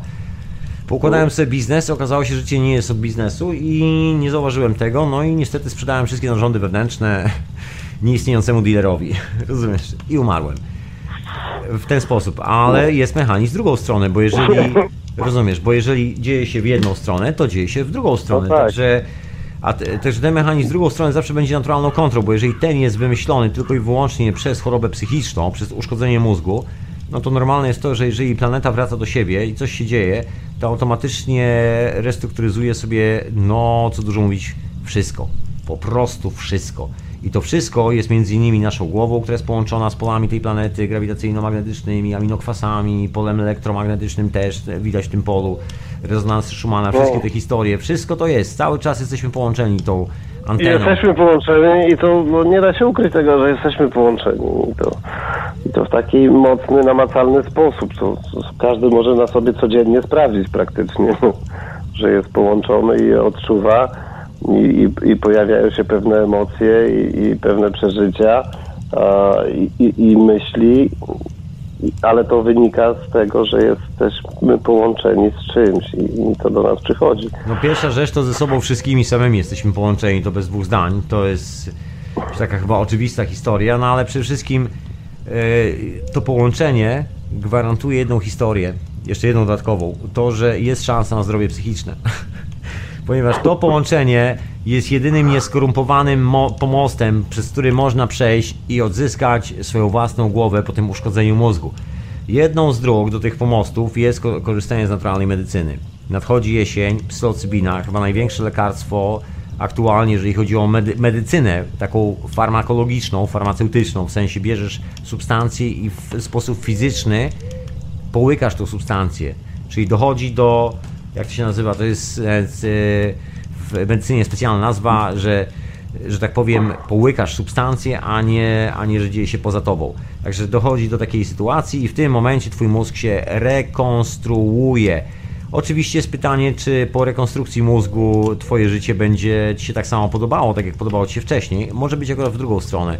Czasami ludzie właśnie nie chcą sobie zrekonstruować mózgu kosztem e, wybrania się już do innego wymiaru, tak konkretnie, tylko dlatego, że właśnie nie chcą zmienić, nie chcą zmienić swojej konstrukcji psychicznej, boją się, że jeżeli zmienią swoje własne gusta, a to jest tylko gust, to jest tylko percepcja rzeczywistości, to zmieni się coś strasznego w ich życiu. Ludzie lubią, lubią się identyfikować na przykład, nie wiem, z jedzeniem, z miejscem, z którego pochodzą, ze wspomnieniem z dzieciństwa, z milionem różnych rzeczy. Ja też lubię się identyfikować, jest to bardzo miłe. Oczywiście, ale jak na ironię, nie jest to coś, co działa, bo to jest tylko połowa obrazu całości. Jeżeli człowiek spojrzy na swoje interakcje, to właściwie z czym ma się identyfikować? Jak ludzki organizm się non-stop reprodukuje. Każda komórka, z której jestem zbudowany, co 3 miesiące właściwie jest nowa, a większe organy tak do 7 lat się wymieniają w całości, te troszeczkę mniejsze, niektóre mają szybszy proces, niektóre wolniejszy. Od y, 3 miesięcy do 7, tam 13 lat wymienia się we mnie wszystko, ja nigdy nie jestem taki sam. Więc skąd w ogóle pomysł na to, żebym ja musiał się skleić na przykład wiecznie z tym, że najlepsze pierogi robi mama, mówiąc przykładowo, albo ktoś tam, nie? I najlepsze pierogi są u babci. Bullshit, może wcale tak nie być. To jest dokładnie, to, to było tak wtedy, jak ja byłem małym dzieckiem, wtedy najlepsze pierogi robiła babcia, to się zgadza. Natomiast teraz, to ja nie wiem. Teraz to ja muszę sprawdzić. I to jest ta... No tak. I to jest ta świa- wiesz, teraz to ja muszę po prostu sprawdzić. Tu już nie ma z nikim się y, o co kłócić, bo o czym, o co ja się pokłócę, to jakie są najsmaczniejsze pierogi. Ja muszę spróbować te pierogi zjeść i sam stwierdzić, czy są tak samo smaczne, czy są lepsze, czy gorsze. To nie ma miejsca na spór, to- to jest naturalny proces, także klejąc się, wiesz, do tego właśnie pomostu, tak czy siak, do tych wizji, wracamy, wracamy do siebie. Znikają uszkodzenia mózgu, które są właśnie związane z tym, że nie ma już miejsca nowych pierogów, tylko pierogi mojej babki, a twoje, a twoje zabije cię za twoje pierogi. Tylko moje pierogi będą na rynku. Tylko jedna pierogania w całym mieście. Moje pierogi. Mów mi mein liebe Führer. Tak jest. Poza tym będę miał patent na moje pierogi i jak zrobisz takie same, to cię oskarżę do sądu i mi dużo Oczywiście. zapłacisz. Oczywiście. Oczywiście. No, to, to mniej więcej też tak to działa, że a, ten cały pomysł z tymi patentami tak właśnie Też tak myślę, to jest to samo, wiesz, to też dokładnie sporo o rzeczywistość, bo ktoś się umawia, okej, ja wymyśliłem coś nowego i przyszedł ktoś powiedział, wiesz co stary, mam w dupie to, co ty wymyśliłeś, bo ja mam coś nowego i też działa. To koleś się, okej, to przy- trzeci koleś mówi, okej chłopaki, ja, ja sprzedam te wasze rzeczy, ty posklejamy coś z tego, ja to sprzedam i i coś z tego będzie, ale musimy zrobić taki numer, żeby nikt już nie wymyślił żadnego innego rozwiązania. Wchodzicie w to i oni e, ustawiamy standard, że twoje rozwiązanie i twoje jest ok, natomiast wszystkie inne na rynku się nie nadają. Ktoś powie, ty, no wchodzimy w ten deal, to mamy robotę do końca życia. No i tak oto się wydarzyło, chłopaki mają robotę do końca życia, tak im się wydaje. A efekt tej roboty okazało się, okazał się jednym wielkim uszkodzeniem mózgu ich samych, ich własnych dzieci, wszystkich przyjaciół dookoła, bo to nie jest coś, przed czym mogą cię uchronić pieniądze, ani mnie, czy cokolwiek innego. To jest y, po prostu standard jakości psychicznej życia, emocjonalnego. Nic innego, po prostu emocje. Jak człowiek się dobrze czuje ze sobą, jak lubi wstać rano, jak lubi się czuć z tym, co robi w swoim życiu, jak lubi się czuć z tym, jak rozmawia z ludźmi i tak dalej. Nic więcej. No, przy obecnym narzuconym tempie życia i zasypywania ludzi informacjami, to, to ten poziom sztuczka. stresu i, i ten poziom właśnie takiego bycia ze sobą to jest no, na dosyć niskim poziomie, bo po prostu nie ma, cza- nie ma czasu na Nie to. ma czasu, że ja nie mam czasu, proszę pana. Ale ja naprawdę nie, nie, mam nie mam czasu. czasu. Pan, pan nie rozumie, ja nie mam czasu, proszę pana. Proszę pana, nie- Ja nie mam czasu. Ja, Nie mam e, czasu. Słuchajcie, bo ja nie mam czasu, szybko opowiem pewną historię, z której mówię, powtarzam ją ostatnio nieustannie. Tak szybko opowiem, opowiem bo naprawdę nie mam czasu. E, O tym, że ludzie tutaj w Londynie, w Polsce też pewnie, w Nowym Jorku i w wielu innych miejscach płacą horrendalne pieniądze, zgadnijcie za co. E, Trzeba tym ludziom zapewnić po prostu miejsce, w którym mogą sobie rozłożyć swoją matę, usiąść i kasuje się ich potężną kasę. Sprzedaje się to jako y, jo, milcząca yoga, yoga w ciszy. Ty nawet nie musisz im mówić, co oni mają robić, bo wiesz, to jest w ciszy, oni za to płacą kasę. Przychodzi "O, okej, to są zajęcia, teraz ci- siadamy, wiozę Tak. i medytujemy przez godzinę. I to kosztuje, słuchaj, niezłą grubą kasę, rozumiesz? I to są takie ludzie po pracy, żeby się odprężyć. Słuchaj, ja mam specjalne warsztaty, które... No, tam jest specjalny rodzaj ciszy w tym miejscu. bardzo no. specjalny, słuchaj. Przede wszystkim, jak usiądziesz w domu, to nie zapłacisz 400 funtów. To jest pierwsza rzecz. Po drugie, nie miał dyplomu. Po trzecie, kto zwraca uwagę na twój Nie strój? ta sama cisza. Nie ta sama cisza w domu, wiesz. no. Nie, nie, nie, nie, to Nie samo. to samo powietrze, nie to samo otoczenie, nie, nie, to nie. No, Przede wszystkim masz najmodniejszą matę. Kto tą matę wtedy zobaczy, to jest też inna sprawa. Królowie mat. Rozumiesz? I to jest historia W ogóle- specjalna yoga. Kto, kto przychodzi na wyciszenie? Rozejrzyjmy się. Podoba mi się to. Ja w ogóle się zastanawiam, czy przypadkiem sobie nie, zdo, nie zrobić takiego. Nie wiem, może taki zawód sobie wymyślić, rozumiesz? Będę robił takie warsztaty, będę wpuszczał ludzi do pomieszczenia, zamykał ich na godzinę, oni tak siedzą, nic nie robią, nie mogą nic innego poza siedzeniem. I za to mi płacą pieniądze, rozumiesz? Za to, że przychodzą i, i po prostu nie mają z kim y, nie porozmawiać. nie No mają tak. gdzie pomilczeć, słuchaj. Człowiek w dzisiejszych czasach musi zapłacić pieniądze, żeby miał gdzie pomilczeć, no. No nie może w domu normalnie, nie może w parku, wiesz, nie może, po prostu musi, no nie ma, milczenie dzisiaj, słuchaj, są warsztaty z milczenia, jakby co. No to Ja startuję za tydzień, słuchaj, ja ci podrzucę tam cennik, dam ci jakąś promocję. E, Droga słuchaczka, słuchaczu, robię warsztaty z milczenia, nie będą tanie, mówię, to jest... Pierwsza rzecz, to nie są krótkie warsztaty, one troszkę trwają. Kosztuje to troszeczkę pieniędzy, no ale za to jak wyciszony jesteś, wiesz, jak zestrajasz się swoimi własnymi czakramami, człowieku, od, od No tak, po prostu uwalniam twoją koronę serca, wiesz, y, dobry jestem w tym, wiesz, y, daję ci od razu, wiesz, dostajesz dyplom, na dyplomie 1600 powisów plus, słuchaj, naprawdę... no tak. No nie jest to tanie, no ale wiadomo, że świadomość kosztuje. Świadomi ludzie nie liczą się z pieniędzmi na rozwój duchowy. Także. O, żartowałem, żartowałem. No w siebie trzeba inwestować, No właśnie. jeszcze dobrze wyciszyć, tak? Rozumiem. Też było doświadczenie takie, że sprawdzali ile człowiek w takiej kompletnej ciszy i zamykali e, ludzi w takim studiu, takim Jest takie bardzo dobrze laboratorium w nie? tak, tak. takim laboratorium w takiej gąbce. No i chyba tak najdłużej niektórzy wytrzymywali godzinę, czy coś takiego. Już po 20 minutach niektórzy mieli, e, jak to określili, nieprzyjemne odczucia. Dosłownie minuty, chodzi o puls własnego serca. Czytałem artykuł na ten temat. Się okazuje, że no, krócej nawet, to właściwie wytrzymuje w okolicach do 10 minut, jakoś tak. Ja w ogóle chciałem tam usiąść sam, mogę się sprawdzić w takiej sytuacji. Ciekawa historia, ale wy, przeraża ludzi to, co przeraża, właśnie to, co przeczytałem. To puls ich własnego serca. Nagle jak zaczynają słyszeć, jak, jak głośny jest organizm, jak ta cała krew w żyłach chodzi. Mhm. Bo numer właśnie polega na tym, że nagle słyszysz wszystkie oddechy, dźwięki, wszystko, każdy swój ruch, prawie słyszysz swoje mięśnie. I to ludzi doprowadza do szaleństwa, bo nagle tracą świadomość, że kontrolują rzeczywistość, bo nagle się okazuje, że ilość emocji, która się pojawia przy odczuwaniu takim pełnym swojego własnego ciała, wręcz słyszeniu go fizycznie, jest przerażająca, że ten moment, kiedy naukowiec, który wchodzi do laboratorium, dowiaduje się, że jest coś więcej i że nie da się tego wytłumić panelem akustycznym, który właśnie opatentował, jest głęboko w dupie. Rozumiesz? Bo się obawia, że pewnego No dnia właśnie. straci słuch i jedyne co będzie słyszał to swój własny organizm na przykład, albo coś. Także to ludzi przeraża. E, Nagle, wiesz, tu naukowiec kontroluje wszystkie fiolki, on ci może powiedzieć, jakie eksperymenty robi, jakie są wyniki badań, nagle wchodzi do laboratorium, ma wytrzymać w ciszy. I jeszcze tak, że słyszy ból własnego serca. O, za dużo, za dużo. Przede wszystkim to jest zadanie. On musi przyjść do mnie na warsztaty świadomej jogi, jogi w milczeniu, świadomej jogi w milczeniu, tak to się nazywa.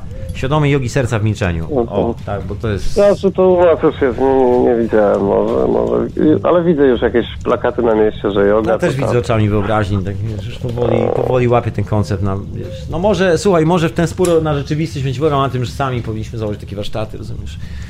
Zostaniemy częścią tej rzeczywistości. Będzie propozycja biznesowa. Póki co bardziej mnie interesuje warsztat taki mały stolarski, bo lubię sobie w drewnie podłubać, wiesz. No, rozumiem, rozumiem. No cóż, dobra, to ja cię zostawiam, sobie idź tam e, ostrzyć te dłuta, sobie człowieku, dzięki strasznie za rozmowę. Strasznie No, miło się rozmawiało. Bardzo w dobrym kierunku, myślę. No właśnie, też zostawiam takiego zamyślonego, szukam tu myszki, okej, już mam. Człowieku, także ja już mogę kontrolować tą maszynę przed sobą, także zostawiam ciebie zamyślonego. Jeszcze raz wielgaśnie dzięki i, i pójść mi w ramiona, bracie. Pozdrawiam cię serdecznie. Pozdrawiam serdecznie, trzymaj się. Dzięki. To był Doesn't Matter. Doesn't Matter po polsku nic nie znaczy. Właśnie to znaczy. A ja teraz mam muzyczkę. A propos, tak rozmawialiśmy o tych dżentelmenach, którzy byli tymi apostołami nowej ery, ery, ery powrotu do natury, tego, że odkryjemy, odkryjemy ten naturalny mechanizm, ten prawdziwy mechanizm, który nie zostawia po sobie śmieci, nie jest czymś, co musimy zrobić, wymyśleć, obejść dookoła po kwadracie, tylko jest tak jak drzewo. Rośnie i nawet nikt nie wie jak. I tylko widzimy, jak jabłko spada.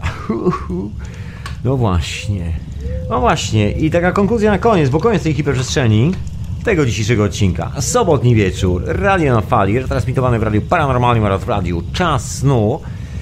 Właśnie na temat y, tej konkluzji, jaka będzie przyszłość, bo słuchaj, czasy są takie, że wróży się no wręcz po prostu zagotowało od wróży wszędzie, od przepowiedni i tak dalej.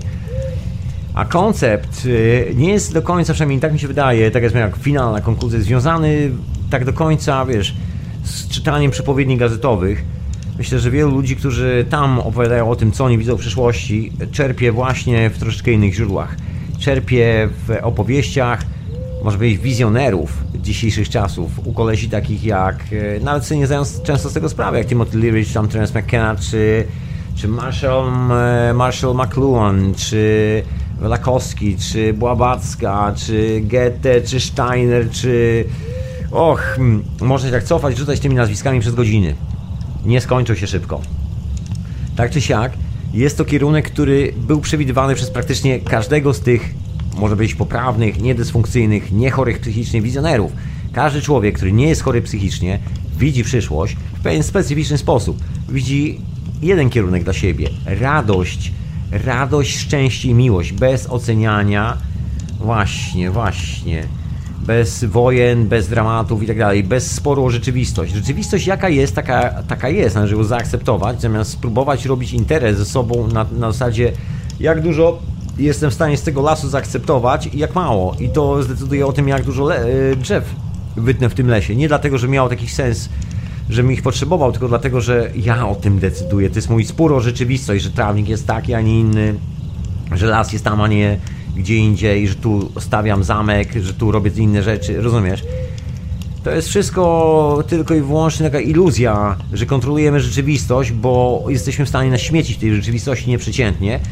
I tylko dlatego, że postawiliśmy tonę tego gówna dookoła, wydaje nam się, że coś kontrolujemy. W rzeczywistości przychodzi huragan, okazuje się, że wszystko co mamy to jest, to jest taka zabawka naprawdę słabo rozwiniętego dziecka, która nie jest w stanie przeżyć mocniejszego wiatru, chociaż prąd, szczególnie prąd, instalacja elektryczna, od której wszystko dzisiaj jest uzależnione, chociaż 100 lat temu już był prąd y, bez potrzeby używania kabli przesyłany za darmo na dowolne odległości. I nagle okazuje się, że tyle lat minęło, takie kataklizmy wiszą nad naszą planetą, nad społecznością. Nikt nie potrafi połączyć tych dwóch faktów ze sobą razem. Ale to jest kontrola rzeczywistości. Wiadomo, że jak się pojawi za darmo, to, to kto będzie to kontrolował? No właśnie, to już nie będzie biznesu wtedy w tym momencie. Trzeba będzie zacząć dealować troszkę inną rzeczywistość bez oceniania. No ale że wszyscy wiedzą, i to nie jest tajemnicą, że ten legendarny kierunek, ja to nazywam Soma, wszyscy idą w kierunku tripu, wszyscy idą w kierunku radości, wolności i miłości, bez oceniania. I właśnie po przekroczeniu tego piku, o którym mówił Terence McKenna, tej swojej e, teorii czasu falowego, kiedy wszystkie rzeczy się już skleiły razem i wiadomo, że jedyna kolejna rzecz, która może nastąpić, to unifikacja wszystkiego, jakby to odkrycie wspólnie i odkrycie i zastosowanie przede wszystkim w praktyce tej wiedzy na temat całego uniwersum, którą w tym momencie w całej e, okazałości mamy. Oczywiście jest ona porozrzucana po wszystkich tych obszarach naukowych, ale przekroczyliśmy już ten próg, mamy już to wszystko. I teraz, skoro już to mamy, mama natura tak czy siak nie postawia żadnych złudzeń, bo też e, ma swoje własne plany. To nie jest tak do końca, że będzie się słuchała nas i tego, co my chcemy zrobić. To też nie jest nasza rzeczywistość, to jest rzeczywistość tej planety, w, którą, w której my albo partycypujemy, albo jak głupki budujemy swój własny zamek z piasku. W każdym razie wszyscy normalni ludzie wiedzą że bez choroby psychicznej, że kierunek to jest radość, szczęście i miłość. Nic więcej. Próba wybudowania, to, to co właściwie te, to, co teraz się wydarzyło w naszej cywilizacji, to było nic innego jak próba wybudowania. Nie, może musieliśmy sobie coś udowodnić, może właśnie na tym polegała nasza choroba psychiczna. Na wybudowaniu sobie niezależnego od fizyczno, od y, naszej emocji, takiego interfejsu obsługi człowieka. I to była taka próba. Jak wybudować interfejs obsługi człowieka, tak żeby obejść jego emocje i zmusić go do robienia praktycznie wszystkiego, na co pozwoli jego fizyczne ciało. I jak się okazało, o ile można powiedzieć, że odkryto kilka rzeczy na temat e, jak sterować człowiekiem, cała ta próba wybudowania nowego człowieka, który ma, że tak powiem, gdzieś emocje, jest zasilany tylko i wyłącznie jedzeniem, zawiodła. Zawiodła na całej linii. Jak się okazało, zasilanie pochodzi z kosmosu. W środku mózgu jest w ogóle jeszcze większy kosmos. Życie jest też w kosmosie. No cóż, Ślady wiodą zupełnie inne miejsce. Ślady wiodą tam, gdzie, gdzie jak do tej pory wielu, wielu z nas e, nigdy nie chciało bywać. Właściwie być może nawet nie miało za bardzo szansy, bo jak się okazało, zaserwowali sobie uszkodzenie mózgu, takie dosyć poważne uszkodzenie mózgu i wszelkie odczuwanie emocji, odczuwanie empatii, troszkę legło w gruzach, przede wszystkim we własnym swoim życiu i, i to doprowadziło pierw do katastrof prywatnych, później wiesz, no, mniejsza o to. Czasami się wydarzają takie rzeczy, ale nie jest to jakby niczyja wina, bo tutaj nie chciałem nikogo winić za cokolwiek, bo się okazuje, że zwyczajnie ta cywilizacja, którą stworzyliśmy, poza tym, że oczywiście jest w stanie zaserwować nam teoretycznie spełnienie naszych marzeń, cokolwiek to oznacza, u kogokolwiek, to cena jest zawsze ta sama. Stałe, fizyczne i trwałe uszkodzenie naszego mózgu. Także nie jesteśmy w stanie ogarnąć na początek rzeczywistocji, tworzymy dysfunkcyjne society, a później tworzymy dysfunkcyjny organizm. Dysfunkcyjny organizm pewnego dnia, niczym Gabor Mate w swojej książce mówi nie, że organizm mówi nie i odchodzi. I nasza dusza odchodzi. I to wszystko. A tylko dlatego, że ktoś kiedyś podjął próbę wybudowania, niezależnie od tego, jak się czujemy, takiego interfejsu, żeby taki człowiek jak ja mógł zrobić wszystko niezależnie od tego, jak się czuje. Żebym podjął jakąkolwiek bzdurną decyzję, jakąkolwiek kretyńską, szaloną ideę i po prostu ją realizował niezależnie od tego, czy ona ma sens emocjonalny, czy nie ma sensu emocjonalnego dla mnie. Okazuje się, że no nie działa w ten sposób. Wszystko zawiodło na całej linii. Jeszcze raz powtórzę, zasilanie tej istoty, którą jesteśmy, pochodzi z kosmosu, jak się okazuje Także tutejsze próby stworzenia jakiejś takiej e, obejmki na skróty, żeby coś wycisnąć na zasadzie niewolnictwa jeden z drugiego nie działają. No i jest mama natura, która co jakiś czas robi taką fajną, dużą zmianę i oczywiście wszystko wraca do góry nogami i właśnie wygląda na to, jakby teraz się wywracało powoli wszystko do góry nogami. No i to też jest taki kierunek, że tak powiem, y, związany z naszym kierunkiem. I ja myślę, że tak jak mówią, tak jak mówili dawni przodkowie, tak jak mówił Terence McKenna, tak jak wielu innych mówił, ja też się z tym absolutnie zgadzam. To jest początek y, nowego świata aktualny. My go jeszcze nie widzimy, bo jest to niewidoczna, to powtórzę za Timothy Leary, niewidoczny, y, bo jest to niewidoczny i cichy proces, taka jest prawdziwa rewolucja. Nawet jeżeli jest ta technologia, nie każdy musi ją widzieć, nie każdy musiał o niej słyszeć, nie każdy musi o tym wiedzieć, nie każdy, no właśnie. To nie są rzeczy, które są na pierwszych stronach gazet. To są rzeczy, które z perspektywy historii, kiedy się cofniesz do tyłu, tak jak cofasz się w swoim własnym życiu, tak jak ja się cofam, przypomnij sobie jakiś ważny tytuł gazety. No właśnie, nie pamiętamy tytułów gazet, ale pamiętamy emocje z naszego życia, pamiętamy spotkania naszych miłości, spotkania naszych przyjaciół, rodzin itd., tak itd., tak prawda? Wszystko idealnie. Natomiast czy pamiętamy dokładnie artykuły w gazetach, które wtedy czytaliśmy i newsy, co się wtedy działo i co było na liście przebojów? Nie za bardzo. Właśnie to jest ta rzeczywista wiedza, to jest ten, e, ten moment, kiedy sporo rzeczywistość znika, bo nabraliśmy już takiego dystansu, że wiadomo, że to nie była jedna rzecz, która się wydarzyła na świecie, także nie traktujemy tego jako najważniejsze rzeczy.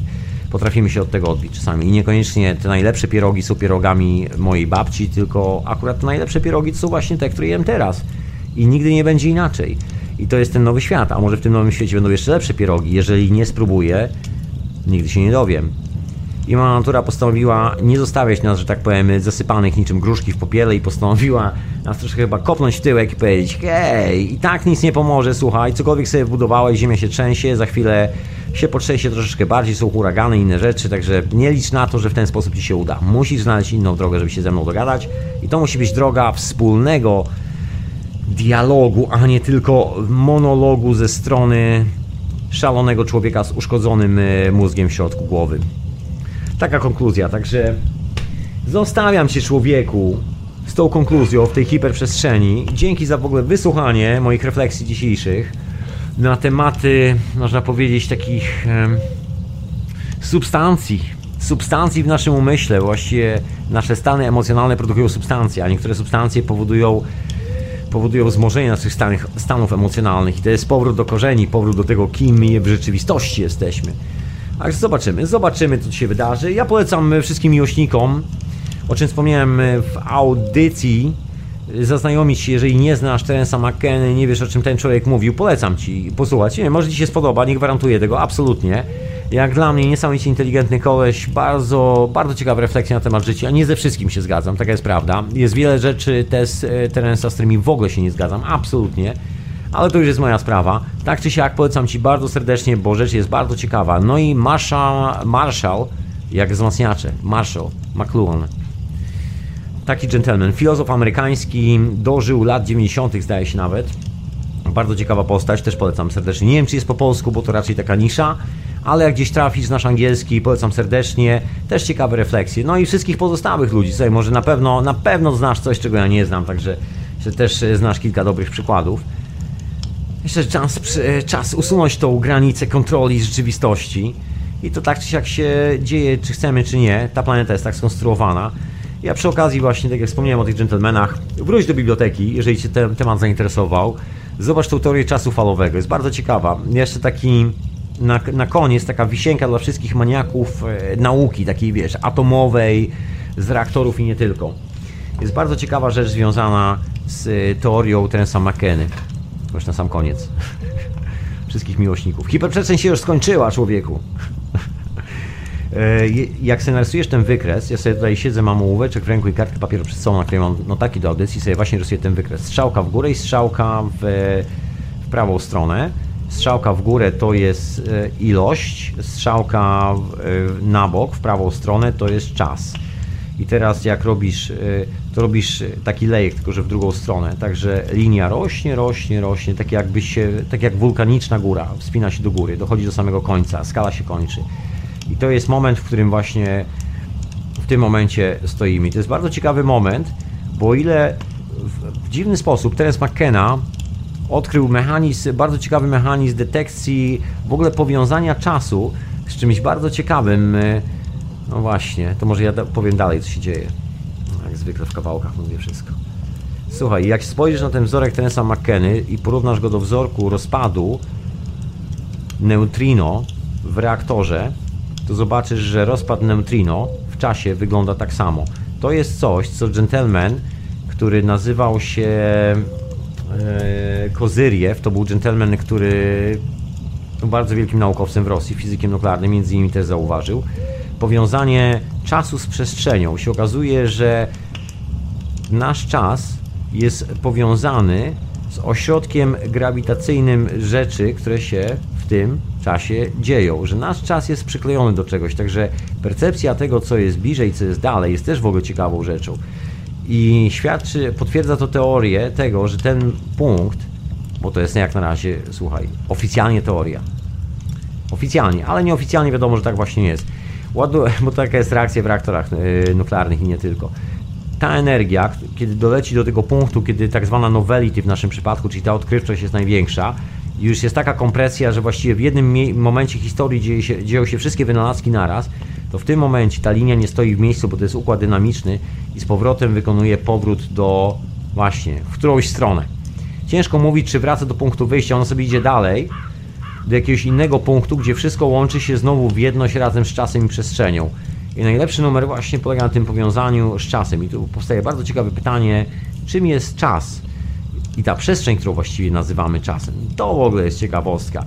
I to jest e, chyba taki największy smaczek w tej teorii Terensa McKenna czasu falowego, że jak, e, że jak na ironię okazało się, że taki koncept matematyczny na, wyjęty troszeczkę z I Chingu między innymi, znaczy nie z I Chingu, bo później e, się okazało, że I Ching ma podobną matematykę, się okazuje, że jest pewien rodzaj przeliczania proporcji oddziaływań na świecie, który zawsze ma ten sam język. Cokolwiek nie zrobisz, wychodzi zawsze mniej więcej to samo.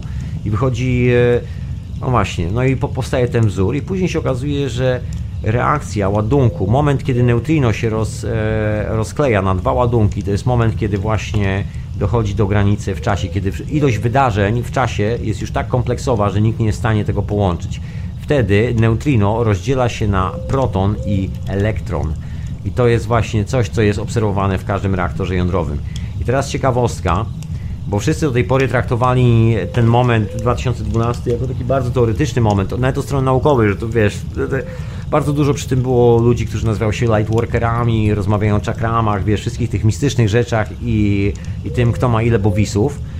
Natomiast y, bardzo mało jest tego strony naukowej, ja, ale jak na ironię okazuje się, że ta koncepcja już nie jest tylko i wyłącznie koncepcją, to jest support dla pewnej troszeczkę większej teorii związanej z nauką, związanej z transmutacją, związanej z tym, że praktycznie możemy operować dowolną ilością energii, w, y, która się znajduje gdziekolwiek w kosmosie jako cywilizacja, bo takich dokonań na tej planecie już dokonano parę lat temu. Nie jest o nich głośno z wielu powodów, ale to na razie zostawiamy tak czy siak jest to mechanizm budowania się całego kosmosu i tego, jak jest skonstruowany. Można powiedzieć, że te elektrony później i te protony wolne tworzą tą czarną przestrzeń pomiędzy gwiazdami. I to jest moment, kiedy połączenie z czasem, powiedzieć, z mocnym ośrodkiem grawitacyjnym, od którego zależy czas, którego efektem są owe wynalazcze działania żywych istot mieszkających na tej planecie, nagle doszedł do punktu zerowego, czyli kompresja czasu doszła do zenitu i ten czas, który teraz nastąpi, to już jest troszeczkę inny czas, który nastąpił. To jest czas, w którym e, wygląda na to, dokonała się fuzja w ogóle globalnie wszystkich wydarzeń, które mogły nastąpić i planet i tak dalej, i tak dalej, bo to oczywiście wszystko to było połączone z astronomią i cyklami na niebie. Ciekawostka. Tą samą reakcję widzimy w reaktorze nuklearnym, każdej, e, każdej takiej, w każdym takim eksperymencie, bo jest to rozpad neutrino na elektron i, i proton, ewentualnie możesz powiedzieć na wodór i proton, znaczy dokładnie, bo elektron i wodór to jedno i to samo, obserwowane tak samo w reaktorach. No właśnie. I teraz, słuchaj, wyobraź sobie, w latach, no to były lata 70., przewidział dokładnie moment swoim równaniem matematycznym, coś o czym mówiło wielu mistyków, wielu różnych innych ludzi przez e, setki ostatnich lat, że nadchodzi ten moment i że ilość wydarzeń będzie znakiem właśnie tego przesunięcia całego ciężaru, nie wiem, układu galaktyki i tak dalej, i tak wielkich zmian. Jeszcze sami nie wiemy, jak wielkie to będą zmiany. Wiemy tylko, że wszystkie zapowiedzi mówią o tym, że wielkie. tylko tyle możemy powiedzieć. Ale właśnie o tym cały czas była mowa, o tej dużej ilości wydarzeń. Tego dotyczą wszystkie praktycznie przepowiednie, jeżeli wyciągniesz z nich taką, e, taki wspólny mianownik. To jest ilość wydarzeń na, że tak powiem, sekundę przestrzenną czasu kwadratowego. I nagle się okazuje, że właśnie jest ten moment, przekroczyliśmy ten moment. Cóż, proszę Państwa, zobaczymy, co się będzie działo. Wszystkie koncepcje, które wydawały się bardzo egzotyczne i takie bardzo science fiction, nagle okazały się, okazało się zapukały mocno do naszych drzwi. Właściwie obserwujemy dokładnie to w skali reaktorów nuklearnych, w skali rozpadu każdego materiału radioaktywnego, łącznie z cząsteczkami, z których my się składamy jak i dokładnie w tej teorii. Nagle się okazuje, że cały ten koncept na rzeczywistość, ten, który mieliśmy, te wszystkie spory o rzeczywistość, o to, jak ona jest, jaka jest fizyka i tak dalej, wszystko idzie się generalnie lekko walić. I cały ten koncept idzie się walić, bo tu się okazuje, że chyba wszystko będzie zupełnie inaczej za parę chwil. I jest to naturalna kolej rzeczy, także nic tutaj e, e, po nas, e, że tak powiem, żebyśmy marudzili, że ktoś na przykład, nie wiem, nie kuma tego wszystkiego, ktoś nie łapie, by nic nic nam e, nie pomoże nam namawianie kogokolwiek i robienie propagandy jakiejś takiej specjalnej, jakby iście tym, tym takim klasycznym, to budowanie nowej rzeczywistości z czymś tam, tym razem z naszymi prawdami. To jakby już nie gra żadnej roli w tej rzeczywistości, która się dzieje. Jedyna opcja to zadbać o swój mózg, żeby sobie go nie uszkodzić stresem, otworzyć sobie tą głowę troszeczkę, przewietrzyć sobie tą głowę, i kierunek, radość, słuchaj, szczęście miłość. No i tyle mogę powiedzieć. No i e, piracka bandera na tym statku, no i to wszystko, no. I koniec z jakąkolwiek próbą omijania swoich własnych emocji, udawania, że życie się dzieje poza emocjami. Czas najwyższy pokleić to wszystko razem ze sobą i zostać jedną skonsolidowaną istotą. I to jest mój wniosek na przyszłość. Taka moja wróżba na nowy rok się spełni, kiedy nadejdzie pełnia, czy jakoś tak. Dobra, dobra, żartowałem. Tak jest moja konkluzja na przyszłe czasy. Zobaczymy, jak się będzie działo. Zostawiam się z tym wszystkim. Słuchaj, człowieku i dziewczyno, miłej zabawy. Jeżeli idziesz na jakąś zabawę z okazji zaczęcia się nowej cywilizacji, bo to właściwie wygląda jak początek nowej cywilizacji. To jest to, o czym mówili Indianie i przodkowie na tych starych kamieniach. Anyway, miłej zabawy z okazji rozpoczęcia nowej cywilizacji, przy okazji miłej. E, miłego czasu, gdziekolwiek tam jesteś, tego przestrzennego wymiaru czasu, Miłego słuchania wszystkim słuchającym offline. Pozdrawiam wszystkich na czacie. To tyle na dzisiaj. Ja przypominam, że książę Edward e, urzęduje w... Dzięki w ogóle książę za numerek, bo książę mi podrzucił właśnie Action Bronson. Tak się się poprawnie powinno mówić. Anyway. Pozdrawiam serdecznie. I Ciebie, słuchaczko i słuchaczku, zapraszam e, na środę do Radia na Fali. Oczywiście w Radio Paranormalium w Radio Czas tak samo. Etykieta zastępcza o 11 polskiego czasu.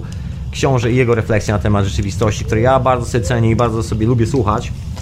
I myślę, że ty też. Tam się zresztą tam zresztą sam wpadnie, jeżeli człowieku jeszcze nie byłeś i ty dziewczyno nie byłaś i posłuchaj sobie samodzielnie. I będziesz wiedzieć o co chodzi. Ja tutaj nie muszę nic mówić. Sam, czy ja słucham księcia, czy ja słucham księcia, zawsze słucham księcia. Po prostu zawsze.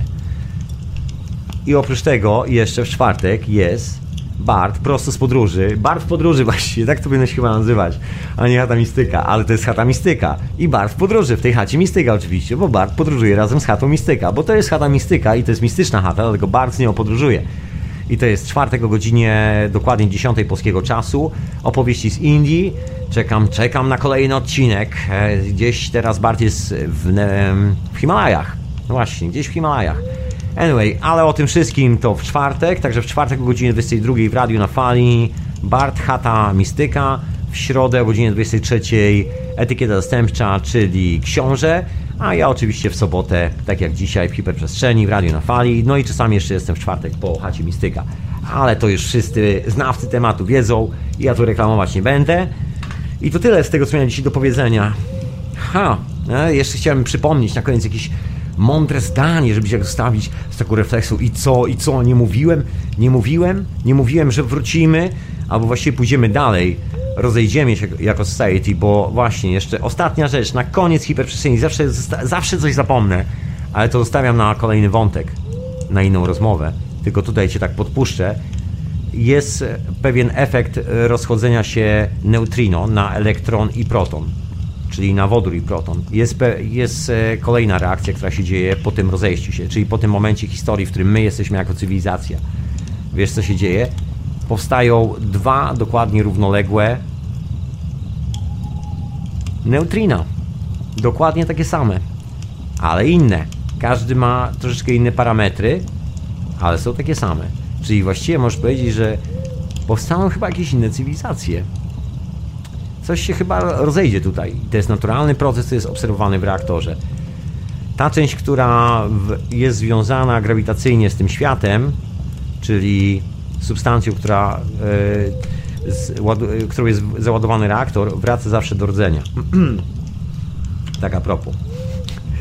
No, Podobne eksperymenty z dylatacją czasu u pana eksperta od luster, pana Kozriewa z Rosji. Ale to zostawiam ci z tymi refleksjami, co jak chcesz podrążyć w nauce temat dilatacji ta, e, czasu, to polecam rosyjskich naukowców i właśnie pana Kozriewa, człowieka, który stoi między innymi za reaktorem, który znajduje się pod Moskwą, tym słynnym reaktorem Toto- Tokamak.